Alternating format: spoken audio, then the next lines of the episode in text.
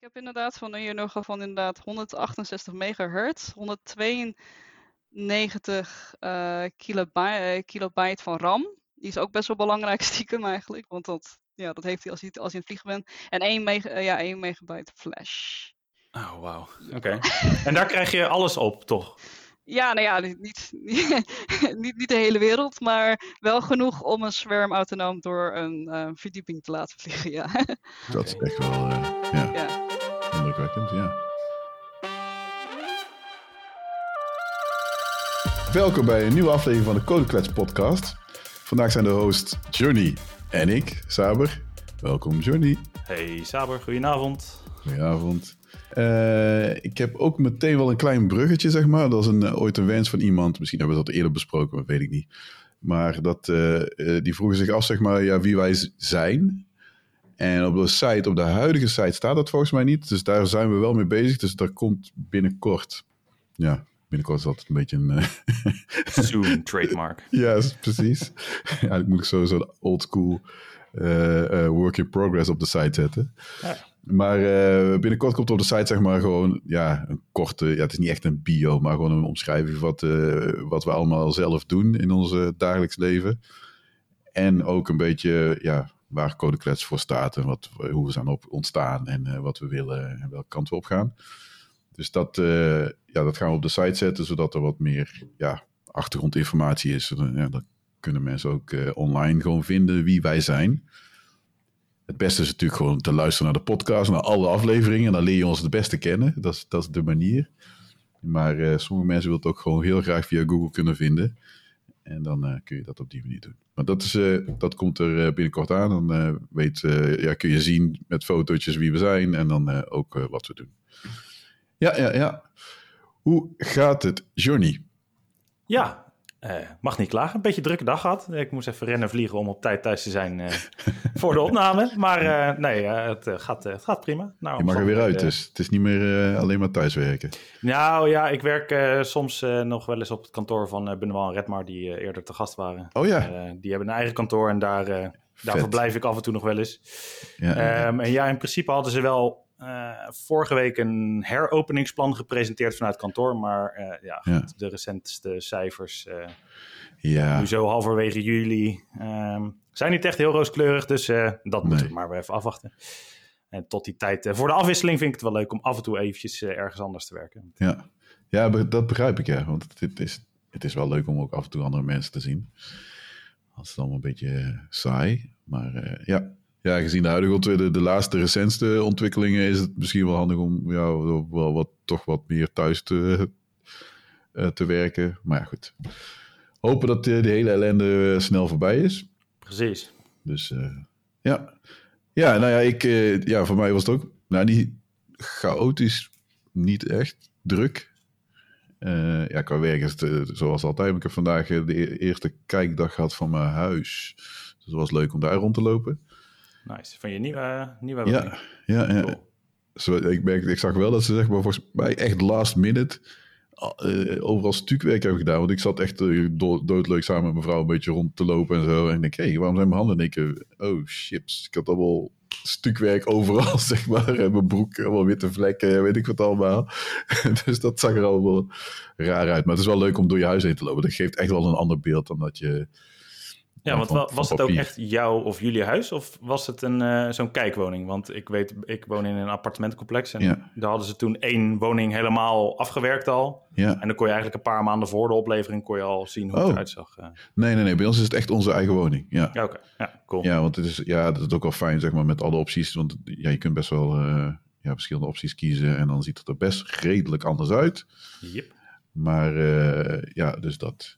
Anyway, nieuwe huis tof. Ik vind het leuk om er een rond te hebben gelopen. Ik heb foto's gemaakt. Ik heb zo de lasermetertje wat ik gekocht heb uh, laatst nog via Amazon ja, Prime. Uh, ja, ge gebruikt. Dus ik was echt overal heel erg. Oh ja, hier, dit en dat. meet, meet, meet. Dus dat is wel, uh, wel fijn. Want sommige plekken, bijvoorbeeld op, op je zolder, zeg maar, het hoogste punt meet. Ja, dat lukt je zomaar niet. En nee. dus met die lasermeter werkt dat echt ideaal. Een fluitje van een cent. Ja, Indeed. Dus ik ben heel erg blij. Dus nogmaals bedankt. Uh, ja, graag gedaan. En als je weet waarom, dan moet je maar naar de vorige aflevering gaan luisteren. Precies. en wanneer is de geplande oplevering van thuis? ja, Q4 zeggen ze. Ik hoop ja, begin november. Ja, eigenlijk hoop ik dat het half oktober is, maar ik denk niet dat ze dat ja. gaan halen. Ja, in ieder geval dit jaar. Dat is, ja, ja, ja, zeker. Dat, uh, dat zal wel. Ja, goed. En dan hoop ik dat we dit jaar ook verhuizen. Maar dat is even nog kiele kiele. Dus of eind dit jaar of begin volgend jaar. Maar good times. Kunnen we eigenlijk uh, allerlei nieuwe gadgets installeren. En uh, dus dat is wel weer, wel weer tof. Ja, ja, ja, ja. Ja, ja, ja. Maar we hebben vandaag natuurlijk ook een leuke gast. En ja, niet zomaar één. Hij doet heel erg indrukwekkend werk. Ik vind het ook echt wel, uh, ja, het spreekt ook tot mijn verbeelding. Want ik ben ook, uh, ja, ik wil niet helemaal, als ik zou zeggen dat het een gadget is, dan doe ik eigenlijk uh, ja, werk een beetje niet genoeg eer aan, zeg maar. Dus dat, dat is het niet. Maar ik ben wel echt een gadget freak, dus dit spreekt me sowieso heel erg aan. en, maar goed, ik moest me net ook al een beetje inhouden op de, de, de koopknop. Dus dat probeer uh, in te blijven houden. Anyway, het gaat dus om uh, Kimberly. Kimberly heeft de afgelopen tien jaar zich verdiept in alles wat, wat met robotica heeft te maken. Beginnend met bio-geïnspireerde robotica voor haar masters. Om uiteindelijk kleine drones autonoom te laten vliegen voor haar PhD bij MAVLab. Zeg ik dat goed? MAV Lab. MAV Lab, oh ja bij de TU Delft. Nu is ze ontwikkelaar bij Bitcraze, het bedrijf achter de Crazy Fly quadcopter. En die zullen mensen misschien wel kennen. Maar welkom Kimberly. Hoi, ja, dankjewel Sauer voor de introductie. ja. Ja, welkom. Dus is, is dit de eerste keer dat je bij een podcast bent? Want ik dacht, ik, ik, al de dingen die ik heb gezien van je, en volgens mij zei je het van tevoren, maar is het ook echt de eerste keer dat je in een podcast zit? Ja, het is echt de eerste keer dat ik bij een podcast zit. Ik heb al ja, een aantal van talks gegeven en zo, maar uh, ja. ja, dan is het eigenlijk meer van, dat, dan, dan heb je natuurlijk al wel een beetje van tevoren al voorbereid en dan heb je de slides. Maar uh, ja. ja. Ja, dit is, dit is, voorbereiding is, ja, we doen wel wat voorbereiding, maar om nou te zeggen dat we alles tot, dat, tot alle details hebben voorbereid, dat niet. Het ook klets, want anders was het uh, ja, code, ja, code, uh, ja, ja, code talks of zo, of code interview. Maar dat, dat is het niet. Het is niet een soort van vragenvuur.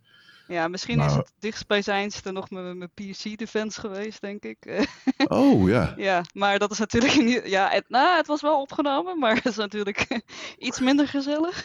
Ja, dat wil ik net zeggen. Er zit wel meer spanning op, denk ik. Ja, Tenminste, vanuit jouw kant, uh, ja. Zeker. Ik was heel erg nerveus. Ja. ja, dat kan ik wel... Ja, dat is trouwens zo. Ik denk dat we dat allemaal wel uh, mm -hmm. ja.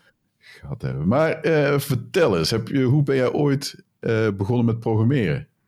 Hoe, uh, ja.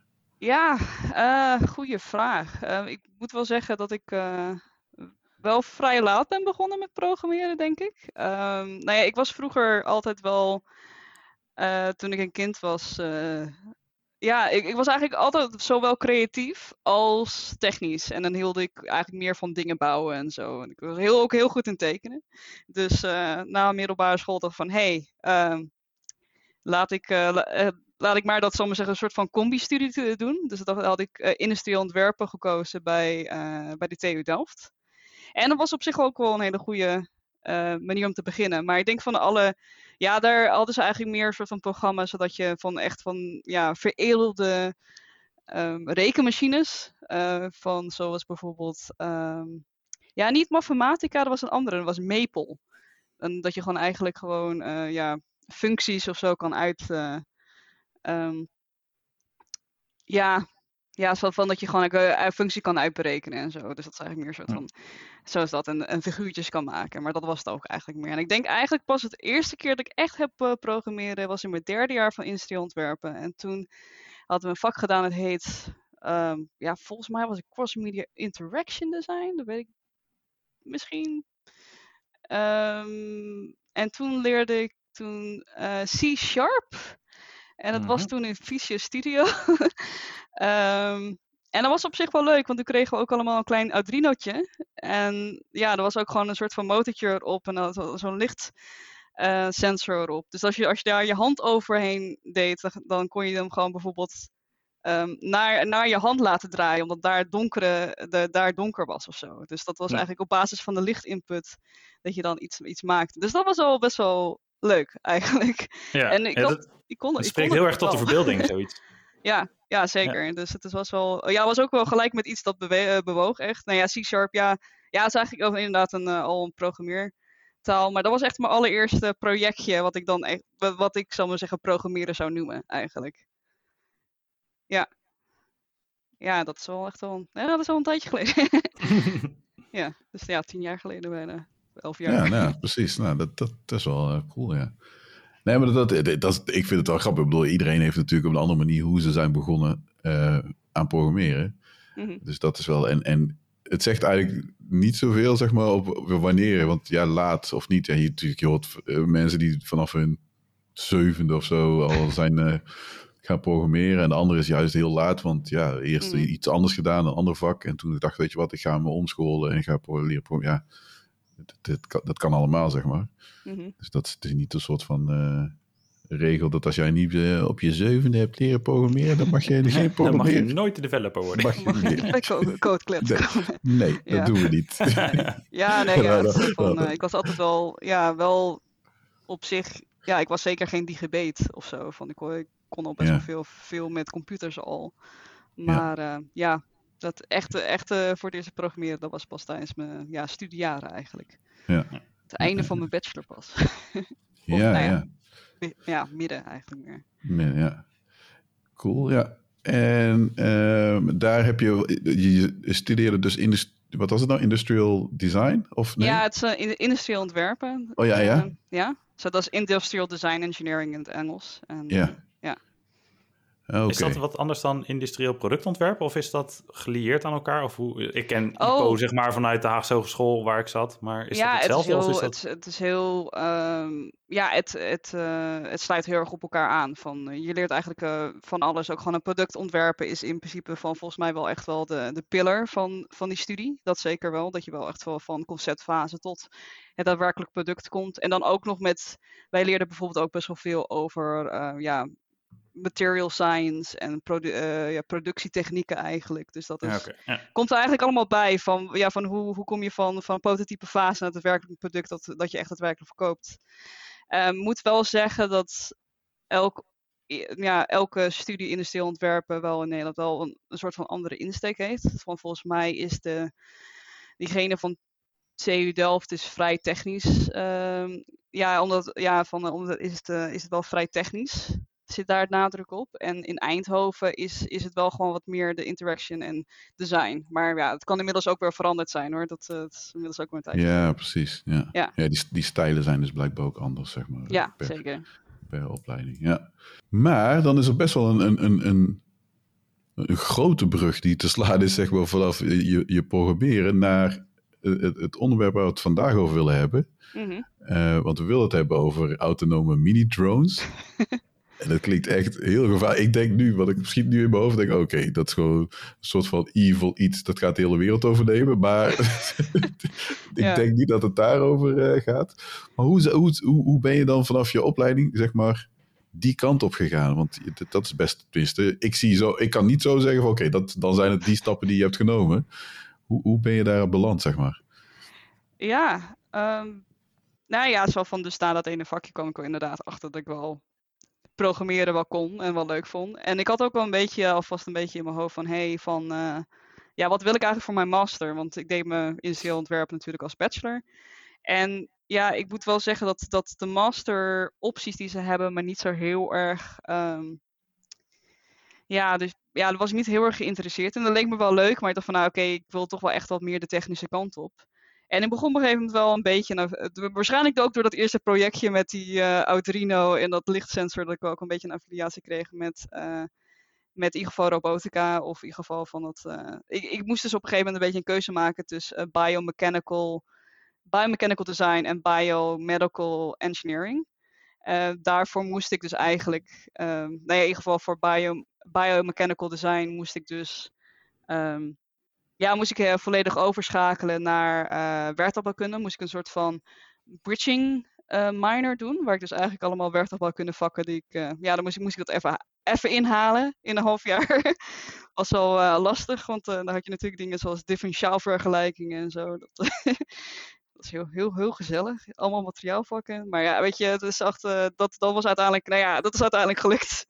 Duurde wel eventjes, moet ik wel zeggen. Ehm, maar um, ja, ja, en toen dus ben ik naar biomechanical design gegaan. En dat is dus echt van waardopbouwkunde, want biomedical design is wat meer medisch um, gelinkt. En dat is volgens mij meer een, een overkoepelende master van, uh, van verschillende faculteiten in, in Delft. Uh, biomechanical design heet volgens mij tegenwoordig volgens mij cognitive robotics. Als ik het goed heb. Want ik heb het toen wel, biomechanical design kan je ook namelijk ook wel van autonome auto's of gewoon van, uh, van protheses nou ja, dat is meer misschien medical, maar dan echt wel van daadwerkelijk de aansturing daarvan. Maar ik deed dus dan daarin nog ook nog een subspecialisatie en dat heette Bio-inspired eh, Robotics.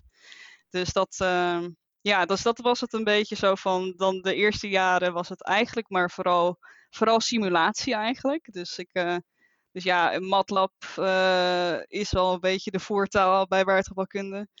Um, dus, uh, terwijl het wel grappig trouwens, want bijvoorbeeld Python en Java werd dus bij, bij Aerospace Engineer, waar ik uiteindelijk terecht kwam, dan kregen ze dat geleerd tijdens de bachelor.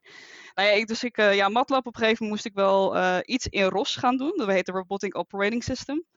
En dat is dus dan in ja, Python, Java en C++. Maar toch wel even, wel even een cursusje C++ er doorheen gegaan, zodat ik uiteindelijk aan mijn master kon beginnen. Masterproject kon beginnen. En daar heb ik dus dan, een, nou ja, nog, nog steeds niks, niks vliegend, maar daar heb ik wel een, aan een robot gezeten die van die bewegende ogen had.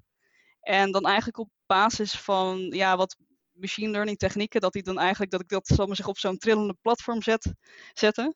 Dat hij dan zijn oogbeweging, dus op basis van zijn uh, interne ja, zijn IMU, zijn uh, Inertial Measurement Unit eigenlijk, gewoon van accelerometers en gyroscopes. En ook gewoon op, op basis wat hij ziet, dat hij dat probeert eigenlijk te stabiliseren. Um, dus dat was, uh, dus dat was echt wel, ja, ja echt wel een, robot. Ik moet wel zeggen dat, dat er weer heel veel kabels naar een computer was die dat allemaal natuurlijk doorlusten. Dus uh, ja, en toen op een gegeven moment, toen zat ik met die robot, zat ik dus uh, nou ja, in de aula, dat heet eigenlijk het groot gebouw bij de TU Delft. Hadden ze een soort van symposium, waar ze dus eigenlijk allemaal andere ja, wetenschapsgroepen daar eigenlijk een project lieten zien. Was ik daar met mijn robotje. en op een gegeven moment, echt vlak voor me, zag ik echt een, nou ja, ja een, een groep mensen die eigenlijk uh, hele kleine drankjes probeerden laten vliegen. Dus uh, volgens mij hadden ze een camera die naar boven keek. En hadden ze, boven hadden ze een, een, blauw doek gespannen. En dan moesten eigenlijk die drones moesten daaronder gaan vliegen. Omdat ze dan die, dat blauwe dus dan herkenden. nou ja, wat er dus gebeurde van ze vloog op. En ze vloog echt overal, overal over dat hele, de hele zaal in. Ja, dat was zo echt, uh, nou ja, misschien een klein beetje gevaarlijk. Ja. Maar ja, weet je, toen zag ik dat en toen dacht ik van, ah, hey, dat ga ik fixen. nou ja, dat was eigenlijk dat was uiteindelijk gewoon dezelfde groep waar ik dus uiteindelijk mijn PhD heb gedaan, dus de ME4 Lab. Um, uh, en dat is dus bij uh, lucht- en ruimtevaart. En ja, zo kwam ik eigenlijk van de, volgens mij, ja, het, de topic was eigenlijk het ontwerpen van autonome mini-drones, mini-quadcopters, die dus gewoon uit zichzelf een gebouw kunnen onderzoeken. Uh, met meerdere, dus een zwerm. en dat is natuurlijk een, uh, ja, ik dacht van, hoe, challenge. Challenge accepted. Uh, ja, het is, wel, het is wel iets lastiger dan dat. uh, nou ja, je zegt sowieso een aantal dingen. Even als ik even mhm, ja? mag inbreken. Ik bedoel, want je zegt even zo terloops van oké, okay, ja, we moesten Java leren en even C++. Ik bedoel, voor iedereen is C++, ja goed, is niet eventjes, dat doe je niet even. En je hebt even werkdagbouw, zeg maar. Dit, misschien versimpel ik het dan. Maar je hebt even werkdagbouw geleerd. Oh ja, dat heb ik ook maar even gedaan. En ja, uiteindelijk... ik heb er wel... Ik heb er dat, dat, dat halfjaartje punten en zo, dat was wel een beetje uitgespreid. Ja, nee, ik snap het. Maar, bedoel, maar je hebt echt wel serieuze stappen, dingen gedaan. Ja. Om zeg maar uiteindelijk om bij, uh, uh, hoe heet dat? Ja, bij je autonome drones, drones zeg maar terecht te komen als het ware. Dus dat is best wel ja, vind ik nog steeds indrukwekkend. Dus dat, dat, is, dat is wel, uh, wel heel erg grappig, ja. Ehm, en je had het over jouw robot. Maar ja, dat, dat, wat je zei van, oké, okay, hoe heet die opleiding? Uh, ja, dat het nu cognitieve robotica ja, heet. Ja, zo van uh, cognitive robotics. Ja, ja, dat vind ik dan, ik bedoel, als, het, als jij het dan hebt over die robot met die ogen, ja, dat, dat, dat, dan klopt die naam wat beter, zeg maar. Ja, wat, klopt. Wat, de, ja, wat dat biomechanical robotics is, volgens mij, klinkt ja, nog steeds klopt. een beetje eng. Ja, biomechanical design is volgens mij ook een ja, design, heel ja. stuk, stukker breder ook. Dus ik denk echt van biomechanical design met die subspecialisatie bio-inspired, bio robotics is dan nu cognitive robotics. Oh ja, oké. Ja, ja, ja, ja. Ja, precies. Want, want ik zei net al, van, het is eng, maar uh, biomechanical, als je dat tegen iemand zegt, denken ze nog steeds, oh shit, dit is nog steeds eng. En je denkt aan uh, Terminator. Ja. 1 en 2. en ze komen ons halen. die een eigen leven leiden en zo. Dat, ja. Nou, het Dus, MAS eh, heet tenminste wel design in plaats van engineering. Want je hebt dan biomedical Oh, ja. engineering. ja, en dan ja. design geeft het nog een beetje een zacht, een zacht gevoel. Dat is eraan. waar, ja, dat is waar. Ja, dat is misschien oké. Ik geef je het voordeel van de twijfel. Ik, ik, ik geloof Ja, niet. Nee, nee, maar goed, maar dat is die opleidingsnaam. Dat, dat, het is wel, wel het, het klinkt gewoon heel gaaf. Het is echt, echt wel een, eh, ja, daar kun, je wel mee aankomen, zeg maar. Maar goed, dus toen eh, de, de autonome drones, want je zei van oké, ik, ik, ik had het idee van hé, hey, dat ziet er leuk uit, maar daar kan ik wel een steentje aan bijdragen om het te verbeteren. Mhm. Eh, d- dat project wat die anderen deden, dat- hoe ben je dan met hun in contact gekomen? Dus heb je gewoon gezegd van hoi, ik, ben, eh, ik kan jullie helpen? of Mhm. hoe, hoe is dat gegaan? Nou, ik had, ik had dus eigenlijk al een. want ja, in principe voor een PhD-project is het gewoon eigenlijk gewoon solliciteren als, alsof je voor een baan. eh, Maar in plaats van dat ze vragen of je nog een. Ja, hoe noem je dat? Een. eh, ehm, een bestuur hebt gedaan, gaan ze vragen wat waren je cijfers? ja, nee, maar dat, eh, nee, ja, dat, is, dat is gewoon in principe gewoon als een baan. En ik heb dus die baan dus eigenlijk via de Robotics Worldwide newsletter gezien. Ehm, eigenlijk krijg je, dat is eigenlijk best wel van als je in robotica zit, een best wel handige newsletter om je überhaupt aan te subscriben. Dus dan zit, allemaal van die conferenties en jobpostings in over, over de hele wereld. Ehm, ja, en toen zag ik maar, toen zag ik van dat van TU Delft. En van nou oké, wil ik nou echt in TU Delft blijven zitten? Ik weet niet. Maar, van, maar dit is wel heel gaaf. En het is wel een andere faculteit. Dus dan ga ik toch weer switchen naar aerospace engineering. Ja. Ja, maar het is wel, ehm, ja, zo, dus ik, ik had dat officieel gezien. Ik had daar al een mailtje op gestuurd en toen ben ik ook even op, eh, ehm, ja, die- diegene die daar was eigenlijk de professor, eh, of in ieder geval de leider van de, de, de groepsleider van de, de, de MAV-lab, Guido de Kroon. Ehm, ja, dus daar ben ik dus op opgestapt. Van, hey, hebben jullie mijn e-mail gekregen? Ja, ja. ja, dus ja. Ja, die na- ja. zijn, zijn naam kwam, eh, die kwam lang, zeg maar. Ja, ik, ik zie namen, dus ik weet niet, nog niet precies wie, wat, wat die rol was. eh, maar die, die, die kwam volgens mij ook bij een van die eh, filmpjes, heb ik hem gezien. Volgens mij bij... eh, eh, hoe heet het programma nou? Zo, hallo. Klokhuis. Het Klokhuis. Klopt Hm. dat? Was hij daar, kwam je daar ook langs of niet? Ja, Of is- ja, eh, zeker, Ja, ja, ja. ja, precies, ja. Ja, oké, dan Ja, heb ik precies. een Dat beeld. was Ja, op dus de die- aflevering van, eh, ja, ongeveer negen maanden geleden, hadden vorig jaar oktober. Ja, ja, dat is recent, ja. Want ik, je, stuurde me die link en denk, oké, dat is vast al post geleden. Maar dat is gewoon vr- vrij recent, ja. Dus dat, ja, eh, nou, ik moet wel zeggen dat de opname wel een stuk eerder was. Want zoals je ziet eh, werd er niet heel veel gedaan Ja. om social distancing. precies, dat dacht ik serieus. Dat is het eerste. Maar dat is echt heel raar natuurlijk in deze tijd. Want als jij, ik bedoel, kijk, als je twee jaar geleden dat zag... en stel iemand komt heel dichtbij, dan denk je, oké, kan, weet je. Terwijl nu, als je dat gewoon ziet, je bent al heel snel geconditioneerd. Je denkt van, oké, dit klopt niet, dat mag Ja, niet, eh, nee, dat is niet goed, dat is niet goed, dat is niet goed. Het was een, meter.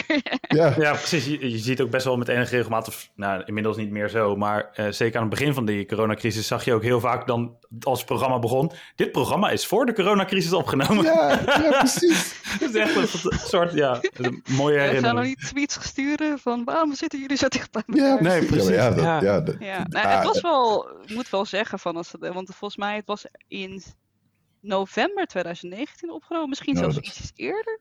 ja, zo Eh, en ik moet wel zeggen, een paar, paar maanden later, van de coronavirus was er al, dus maar Ja. niet, niet in Nederland. Ehm, Ja. ja. maar ja, dat eh gelukkig. Ja, want ik- ik zat-. Ja, precies. Want ik zat het filmpje te kijken. Ik denk, hè, hoe hebben ze zijn toch niet daar speciaal voor het filmpje in een bubbel gegaan, de testen, weet ik wat allemaal door, eh ondergaan. Maar goed, het was daarvoor opgenomen. Dus Ja. dat, dat verklaart het ook.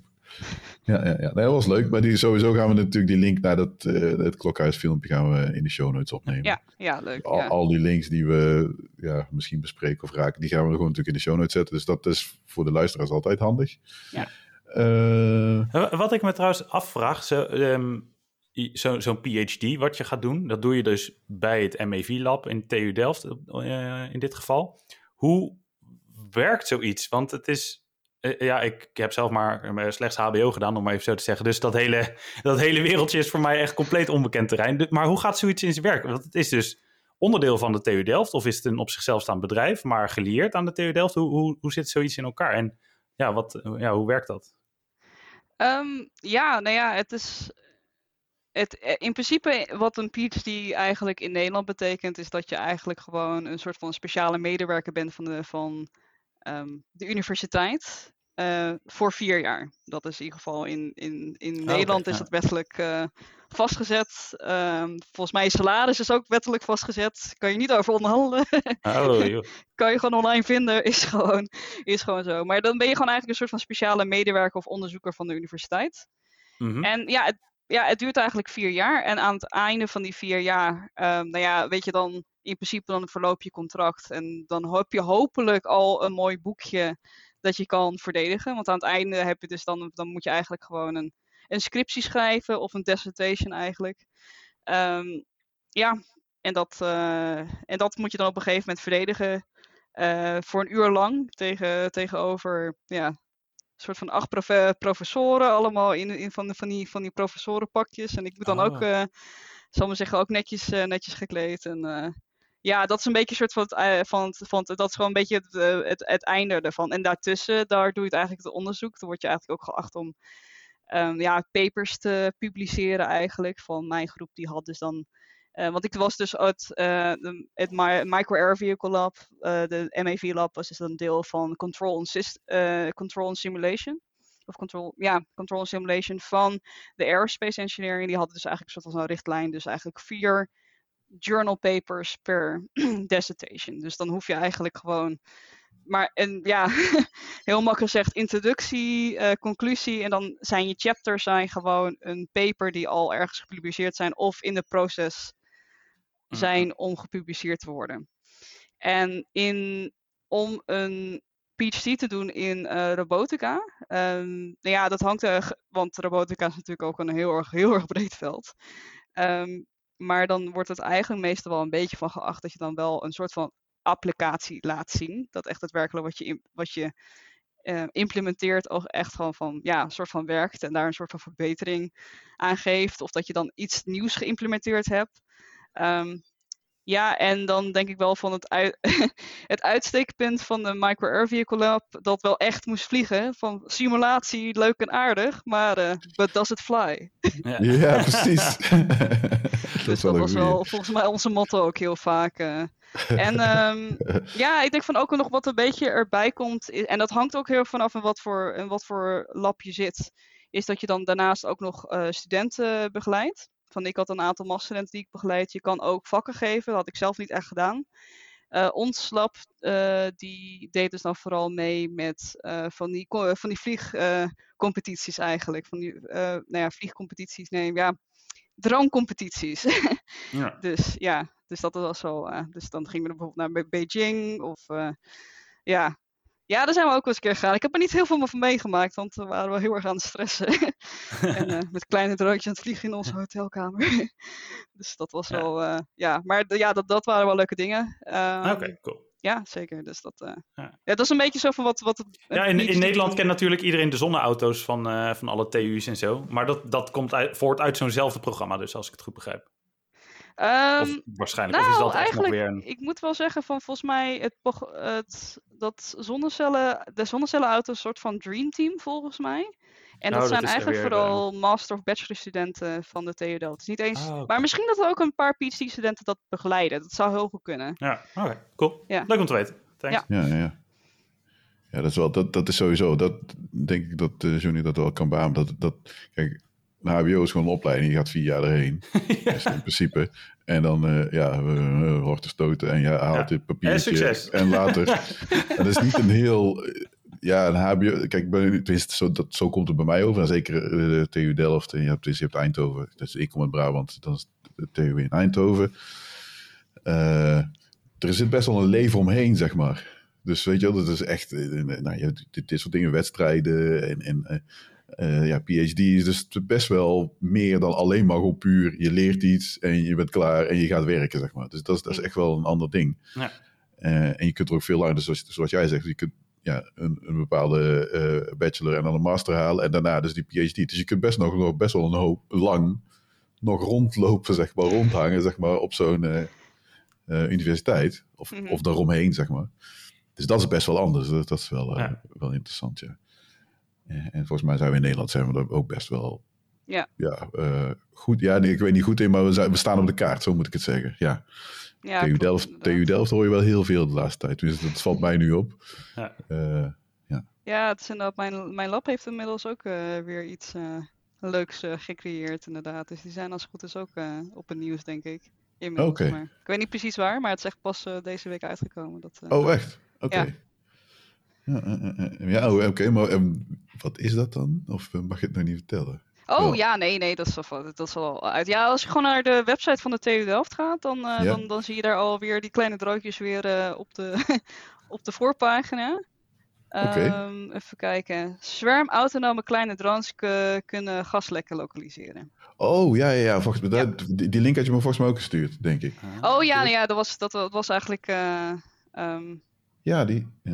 Ja, dit, dit, is echt, dit is echt super nieuw. Dus waarschijnlijk... Oh, het is wel okay. een... een denk ja. ik ook wel een, een, beetje een continuatie van mijn, van mijn onderzoek, denk ik ook wel, of deels geïnspireerd. Of, ja, ja. Um, ja, nou, maar nog steeds hartstikke cool. ja, zeker, ja, ja. Ja, ja, uh, ja dat, trouwens, even kijken, maar is het vooral, want dat, dat is een vraag, ja, die wil ik later nog een keer stellen, want ja goed, je werkt nu inmiddels van Bitcraze, maar qua uh, universiteit met, met je PhD, was het toen vooral, zeg maar, die toepassing, waar die vooral gericht op uh, uh, bedrijfsleven? Of, of, of, of, is dat, ja, ik weet niet of dat nou echt gericht moet zijn, maar is de, toepas, de, de, toepasbaarheid is vooral voor bedrijfsleven? Of zijn er ook consumentenproducten of zo, of consumenten toepassingen die eventueel relevant zouden zijn? Of is dat eigenlijk nog te vroeg om dat te zeggen? Is dat pas later als je zeg maar door gaat ontwikkelen, bijvoorbeeld bij Bitcraze of, of andere bedrijven, dat je dan zegt van oké, we gaan dit maken voor weet ik veel, uh, de, de brandweer de, uh, van, van de wereld. Of misschien een medische toepassing. Is, ja, ik denk, ik denk ja? op zich wel van dat het. Dat het, het, het, is natuurlijk wel een best wel lange weg van daadwerkelijk als je iets, iets maakt in de onderzoeken of prototypes maakt, om daadwerkelijk het voor consumenten het uit te brengen. Um, daartussen zit waarschijnlijk wel van dat je nog wel dat de industrie het inderdaad zelf gebruikt, die er nog zelf iets van gaan maken. Dus ik denk dat, ja, en voor ons was het ook van, ja, uh, meer het uitpunt uh, van search and rescue. Dus dat is misschien niet industrie, maar dat is meer, ja, weet je, van dat, van als er bijvoorbeeld een disaster is, dat je dan bijvoorbeeld zo'n drone, eh, van zo'n zwerm met drones door een gebouw kan zoeken, uh, laten zoeken om, om even kijken of er nog mensen, mensen erin zitten. Um, dus dat was in principe ons oogpunt. Maar we hadden ook op zich wel uh, bijvoorbeeld uh, kassen in ons hoofd natuurlijk. Van dat je dan met, hele, met kleinere drones dus eigenlijk daadwerkelijk dat ook gewoon kon onderzoeken. Zonder dat je dan de bloemen allemaal uh, kapot maakt met de downwash wat je met, met van die grotere drones kan hebben. Um, en volgens mij die, de Mine Lab is ook vooral bekend van de Flapping Wing MAV. En die hebben dus dan ook zelfs nog minder downwash. En die zijn nog stel, zelfs nog veiliger dan die kleine ja. drones waar ik mee bezig ben. Oh, vet. Ja. Ja. Dus ja, oké, maar dan, dan is het al best. Dan heb je al een soort van werkgebied of, of uh, ja. een, een, toepassing is er al een beetje. Ja. Maar ik begrijp dus dat bedoel, als je ja, in, in, onderzoek bent, dan ben jij gewoon aan het kijken van die technologie. Hoe, hoe, kun, je, ja, hoe kun je die ontwikkelen? En, en daarna komt er daar vindt vast iemand nog een toepassing die je helemaal niet voor ogen had. ja, uh, ja het, dat, dat, dat kan uh, inderdaad. Um, ja, het is wel zo van, denk ik, van, uh, nou ja, weet je, dus nog steeds, de, de huidige onderzoek heeft ook nog steeds het, het, het doel voor ogen voor search and rescue. Van dat zeggen ze ook, voor gaslekken opzoeken.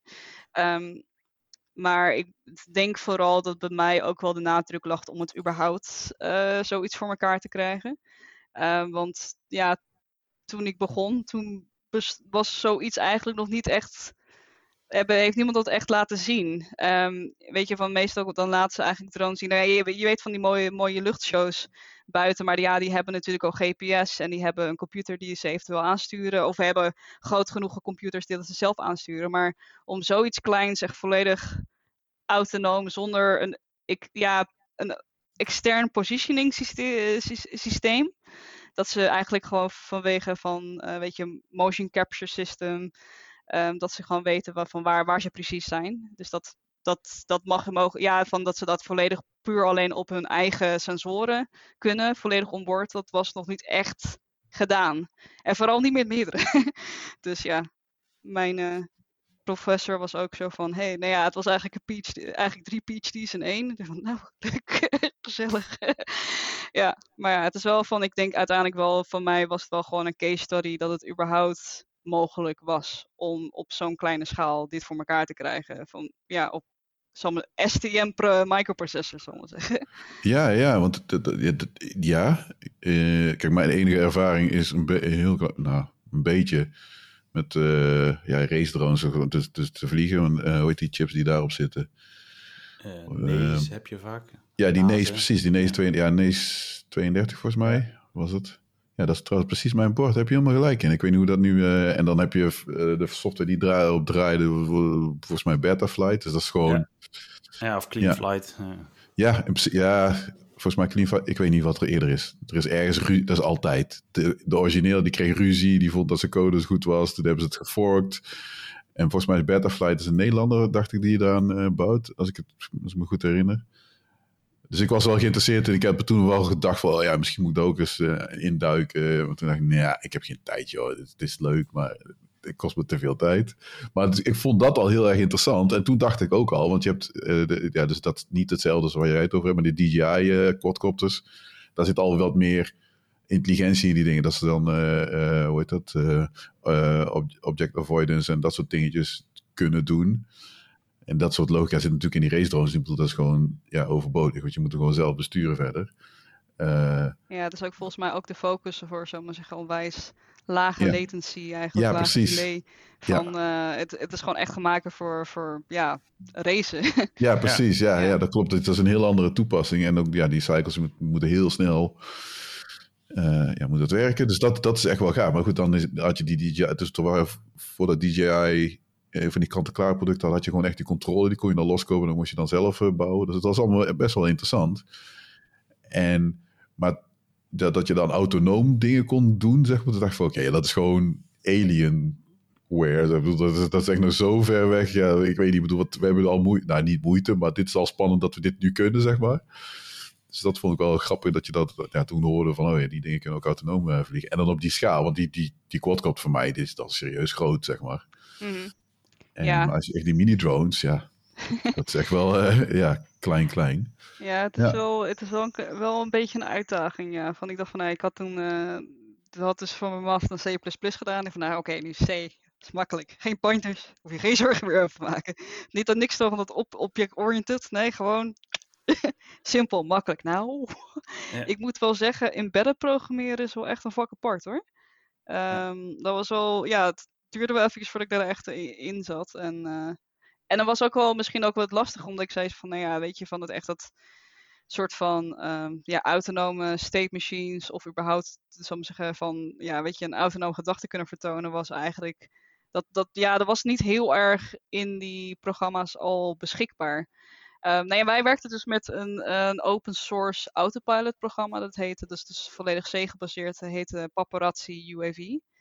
Um, en daar, dat was eigenlijk gemaakt voor fixed wing uh, flight voor buiten. En dan kan je eigenlijk ook met GPS waypoints aangeven. En dan heb je al een soort van autonoom uh, gedacht. Dus die, die waren al wel best wel uh, een goede kant op. Um, maar ja, dan moest ik dat ook een beetje vanaf, vanaf begin bouwen. En dan heb je natuurlijk verschillende elementen. ten eerste omdat ik niet zo'n extern positiesysteem kon, eigenlijk niet echt kon gebruiken. Misschien alleen voor de mooie plotjes in de paper. Van hé, hey, mijn drone heeft dit gedaan. Top.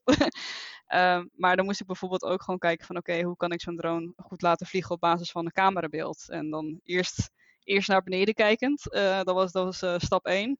Maar je wilt natuurlijk dat hij dan ook niet uh, tegen dingen aanbotst. Want als je nou naar beneden kijkt, dan houdt het wel een beetje op. dus dan, ja, dus dan moesten we op een gegeven moment, dus dan hadden we dan zo'n zo'n kleine stereocamera en daar zat ook nog een aparte STM uh, microprocessor op. En daar op basis van daarvan eigenlijk de snelheid konden bepalen en ook nog de, um, ja, obstakels konden zien. Want, met, um, want ik vloog dus met quadcopters, uh, of in ieder geval de quadcopters moesten zichzelf laten vliegen. Uh, dat, dat zijn eigenlijk gewoon heel erg instabiele platformen eigenlijk. Van als, als ze niet weten wat hun snelheid is, wat een positie is, dan, dan driften ze heel fijn weg. ja. ja. dus het is ook, uh, ik ben ook een verschrikkelijke piloot, dus ik vind het ook heel erg onhandig. Um, ja, dus dat was een beetje de eerste stap. Want dat bestond nog niet heel erg. Of in ieder geval niet iets uh, wat, wat ook zowel vooruit kon kijken en ook snelheid kon schatten. Um, ja, en dan was ik nog niet eens begonnen met de meerdere. Om, ja, dus dan was op een gegeven moment ook met. Um, ja, was het zo, had ik een masterstudent die begon. ja, Mario Coppola, die met. Ja, eigenlijk dat ze, dat ze drones eigenlijk met elkaar konden met elkaar konden spreken met Bluetooth. En ook op basis van de signaalsterkte elkaar dus kon inschatten waar de andere drone was. Hmm. En dan op basis daarvan kon je dan kijken van, hé, hey, oké, ik heb hier één drone, die is daar, die komt dan deze kant op toe. En die, um, ja, die, die, moet dan even ontwijken, want hè, je wilt ze ook niet... Uh... ja, precies. Dus dat, dat was een beetje een soort van, um, ja, stap 2. en dan vervolgens was het ook wel... Um, ja, stap drie was het eigenlijk een beetje samenbrengen. En dan ook een soort van strategie uh, bedenken van hoe ze daadwerkelijk gewoon niet alleen maar een kamer vol met obstakels gaan ontwijken, maar dat ze daadwerkelijk oké, kamertje in, kamertje uit, ga verder, zoveel mogelijk uh, gebied eigenlijk proberen te bereiken en dan vervolgens ook weer terug kunnen komen naar hun ja, eerste positie eigenlijk. Want ja, je wilt natuurlijk als ze bijvoorbeeld een camera erop hebben. En ja, als je de data niet, niet terugkrijgt, dan is het wel een beetje zonde natuurlijk. Ja. Maar ehm, hadden die drones onderling dan ook nog, zeg maar, samen een soort cognitief iets? Dus dat ze van elkaar wisten van, hey, deze camera heb ik al gehad, dus dat hoeft niet of zo? Of uh, hoe, hoe, ja. Want volgens mij is dat ook weer een heel, uh, nou daar kun je volgens mij ook wel weer een hele PhD op doen. Hoe één droom autonoom maken is één ding, maar een heel een, een, heel bataljon aan drones autonoom maken, dat is volgens mij wel weer een, een volgende stap nog weer. Ja, klopt. Nee, ik moet wel zeggen, voor mijn laatste, voor mijn laatste experimenten. Um, dus dan, ja, ik weet niet of jullie die video's hebben gezien van me, dat, dat ik een, eh, van die hele kleine drones die eigenlijk gewoon door zo'n hele um, verdieping doorvliegen. Um, en daar hebben ze eigenlijk, daar, daar ging ik eigenlijk voor de assumptie dat, dat er meer obstakels uh, staande obstakels waren dan de, daadwerkelijk drones. Dus ze kwamen elkaar niet super vaak tegen. Maar als ze elkaar tegenkwamen, dan gingen ze natuurlijk even aan de kant. ja. En ze gaven ook aan elkaar door van in welke richting ze zijn geweest. Ah, en niet per se ze van oké, ze, ze delen dus niet een hele een hele kaart met elkaar door. Want het zijn, ja, dat kan, dat kan je eigenlijk niet voor elkaar krijgen op zo'n kleine drone. Je kan dus van, hé, hey, hier is mijn 3D hoge resolutie kaart. Als je dat kan even confuseren met je eigen kaart, dan, uh, ja. ja, weet je, dan, daar, dat, dat kan gewoon niet op die, op die kleine processoren. Dus het was eigenlijk meer een soort van: hé, hey, ik, uh, ik ben daar geweest, dus uh, daar hoef jij niet echt meer heen te gaan. Dan ging je zeggen van: oké, dan ga ik daarheen.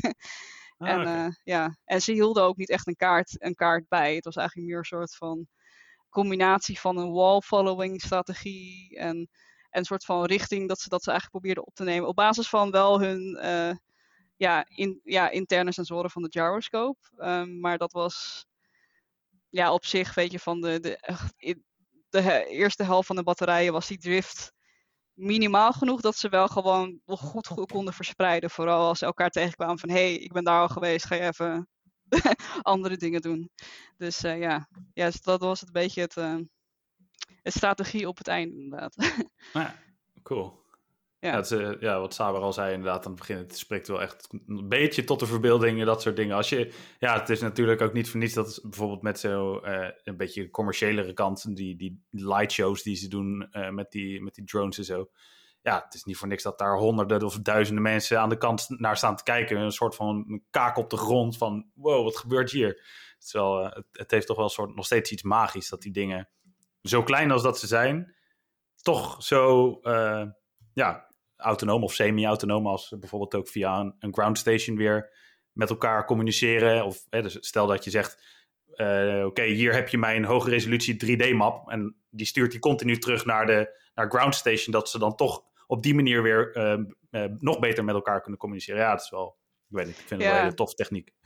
Het zijn wel iets, iets, volgens mij zijn het wel iets grotere drones. ja, ja, die light dingen, ja, goed, dan moet de hele land Die, die wil je niet echt op je hoofd, uh, hoofd krijgen. um, maar ik denk wel dat ze wat ze wel um, nou ja, weet je, qua communicatie moeten ze dingen natuurlijk gewoon eh, super strak regelen natuurlijk. Want, het is, uh, want ze moeten wel allemaal echt goed op de beat en alles al precies op de goede maat. Maar um, ik denk ook met, met van die grote drones, die weten eigenlijk al wat hun positie zijn op basis van GPS of eventueel andere hulpmiddelen. Dus eigenlijk wat, wat je dan qua computer alleen hoeft te doen, is eigenlijk gewoon een soort van, ja oké, hier is een array van setpoints. en dit is de tijd waar je dan op moet zijn. Dus uh, Dus dat uh, qua communicatie is dat, hoeft dat niet eens per se zo, um, ja, ja, zo, zo wild, ja, niet zo wild te zijn bedoel ik, maar gewoon, ja. Uh, maar je kunt het, ook, het, is, het is ook voor, nee, dat, het, het is vooraf te bepalen, zeg maar. Je kunt gewoon zeggen, oké, okay, dit is de berekening. Je, stel dat je de, de, die formatie waar ze in moeten vliegen, ja, dat kun je gewoon vooraf gewoon berekenen en vaststellen, zeg maar. En dan zeggen oké, dat dit moet je gewoon doen en op dat moment moet je daarin. Dus dat is gewoon, dat is nog steeds indrukwekkend. Hè? Ik bedoel even niet dat dat, dat nou even niks voorstelt. Maar dat is wel iets wat, wat, wat gewoon, ja, dit is redelijk vast, zeg maar. Terwijl, uh, ja, los van of nou, stel dat je nou gewoon, stel dat ik al een hele dikke machine zou hebben, zeg maar, en dan zou zeggen, oké, okay, ga nou even hier deze ruimte uh, checken hoe het daar gaat. Dat, dat vind ik al impressive dat dat kan. Dus laat staan dat je dat dan helemaal moet downscalen naar een hele kleine mini-drone. Dat die met elkaar communiceren. Nou goed, dat 3D-model, zeg maar, op zo'n klein ding. Dit is, ja, voor mij, kijk, ik, ik, ik blijf altijd, dat hetzelfde als uh, dat mensen euro's terugrekenen naar gulden. Dus ik blijf altijd terugkijken naar vroeger toen ik uh, assembly programmeerde op een 486. Dat ik denk van, oké, dat had bij 486 nooit gekund, zeg maar. Dat die gewoon camerabeelden uh, verwerkt en dan eventueel 3D-modellen van maakt. Dan kijken of ook uh, ja, wat voor dingen je er nog verder moet voor brengen. No way dat dat was, was gelukt. En dat kan nu zeg maar op zo'n mini-mini droontje, zeg maar.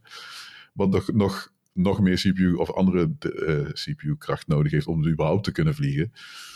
Dus dat is, ja, dit is gewoon mega impressive, zeg maar. Dus dat, uh, ja, dat is wel, uh, wel heel erg gaaf. Ja. ja, dat is ook wel, denk ik, ook wel het, het, het interessante aan vliegen van drones. Dan als je het soms hey, waarom niet een reine robot? waarom maak je het zelf zo moeilijk? Ja, dat het is op zich ook wel van, ja, als je het al, al zoiets al op een vliegende robot kan, dan, dan kan je dat sowieso ook gewoon op een, op een rijdende. En je moet inderdaad best wel veel ruimte overhouden, ook op de, de geheugen, de ramgeheugen, om gewoon überhaupt te vliegen. Dus je weet je van de. Um, ja, en stabiel te vliegen, van A, naar B te vliegen, dan moet je ook nog zo inderdaad de communicatie regelen tussen de, de andere drones. Dat neemt natuurlijk ook wat, um, ja, wat, wat tics in beslag. en dan, uh, dan, ja, dan vervolgens moet je dan ook gewoon een soort van strategie hebben om door die, uh, ja, gebouw of in ieder geval die verdieping heen te vliegen, wat ik dan voor mijn laatste experiment heb gedaan. En dan moet je eigenlijk wel een beetje denken van, nou ja, of, of ik, um, ja, of ik maak een hele simpele kaart. um, en je, probeert alles daar gewoon op. Maar het punt was dus zo van, dat, dat, dat ging gewoon eigenlijk gewoon niet passen van hoe simpel je het ook maakte. Dus het was eigenlijk van, ja, of, of je maakt het super efficiënt. Maar ik ben niet de beste efficiënte programmeur. Ik wilde het gewoon dat het werkte. En ik, ik, wat ik eigenlijk voor, voor uh, zorgde was eigenlijk gewoon het gewoon puur op basis van behavior te doen. Eigenlijk gewoon op, op een gedrag. En op een gegeven moment kwamen dus eigenlijk op, op iets dat heet bulk algorithms. Um, dus op zich ook wel van. Uh, het, het, is wel wat ouder, het is wat de oudere techniek. En uh, um, het was eigenlijk, zal maar zeggen, van origine was het soort van van die maze solvers of van die doolhof oplossers. um, En dan op een gegeven moment. Het is eigenlijk gewoon heel simpel. Van ja, je gaat van A naar B. En als je dan een, een obstakel daartussen ziet, of een, of een muur of iets, dan ga je daar gewoon omheen. Totdat de weg weer vrij is naar je doel toe. En dan, ja, weet je, van, dat, van, dan, doe je eigenlijk een soort van wall following om al je obstakels heen. En het mooie eigenlijk is, is dat als je dat in een echt een verdieping doet van ja, het is eigenlijk ook een beetje een soort van mees, misschien een makkelijke mees. Maar dan komt hij eigenlijk stiekem best wel langs best wel veel kamers ook. Gewoon automatisch. Hè? En dan echt zonder kaart. zonder, ja, weet je, dan eigenlijk alleen maar een soort van hele simpele doel. En dan puur alleen op de, op de, eigenlijk de behavior kan hij al best wel veel grond ehm, ja, bereiken. Ja. Oh, dus grappig, ja. Ja, maar dat, en is dat, dat, dat, natuurlijk meer. Dat, dat is het, uh, ja, ik, ik, las dat het, je zei bug, bug, zo, uh, bug, dit spreek ik bewust zo uit, omdat anders uh, bug algorithm, maar is het ook het swarm gradient bug algorithm of is dat, heb ik, is dat iets anders of is dat een specifieke? Die, nee, dat is, uh, dat, ja, ik denk iets specifiekers. Dat was eigenlijk de techniek wat ik dan voor mijn laatste uh, paper had uh, ontwikkeld. Dat dan in Science Robotics was gekomen. Um, dus dat, dat, dat, maakt, dat gebruikte eigenlijk elementen van, van bulk algorithms eigenlijk. en de, het swarm element is dan wel iets, iets, iets nieuwer. Dus het, meestal is het maar gewoon één agent die zo'n bulk algorithm uitvoert. Maar dit was dan eigenlijk gewoon met meerdere. Um, ja, en dan was ook eigenlijk zo van de, de dat gradient, uh, de gradient gedeelte ervan was dat ze uiteindelijk ook weer terug konden komen naar de, de originele uh, punt op basis van, want dan hadden we dan ook zo'n beacon, um, zo van uh, die, ja wij gebruikten toen, toen de Crazy Fly, toen ehm, en dan hadden ze zo'n beacon eigenlijk helemaal aan het begin. En dan dus eigenlijk, omdat ze geen kaart hadden, wisten ze eigenlijk gewoon van oké, hoe kom je dan terug als je geen kaart hebt? Maar dat deden ze eigenlijk door gewoon eigenlijk continu te kijken naar dat, dat die signaalsterkte. En op basis daarvan gewoon eigenlijk van oké, ga ik linksaf of rechtsaf als ik ga walvallen? dus dat is eigenlijk meer soort, dan konden ze ook een beetje inschatten van oké, waar is dus dan het beginpunt weer? En uiteindelijk kwamen ze wel Weet je van natuurlijk, het is niet de meest efficiënte manier om weer terug te komen. Uh, Maar gezien de, hoe weinig informatie ze hadden, ja. werkt het gewoon prima goed. Ja. Want in, wat voor een orde van grootte moeten we denken? Als je, als je, je zei net van het is een uh, relatief simpel apparaatje, het is een klein apparaatje.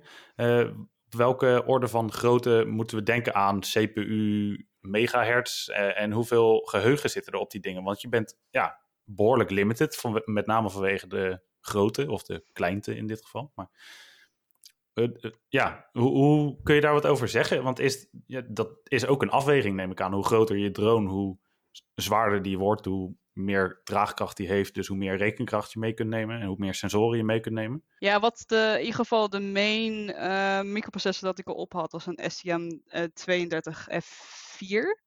En die heeft ongeveer van, ja, was het ook weer 100, ja, 180 megahertz uh, qua snelheid. En dan ongeveer ja, 500, dan 512 kilobyte qua flash.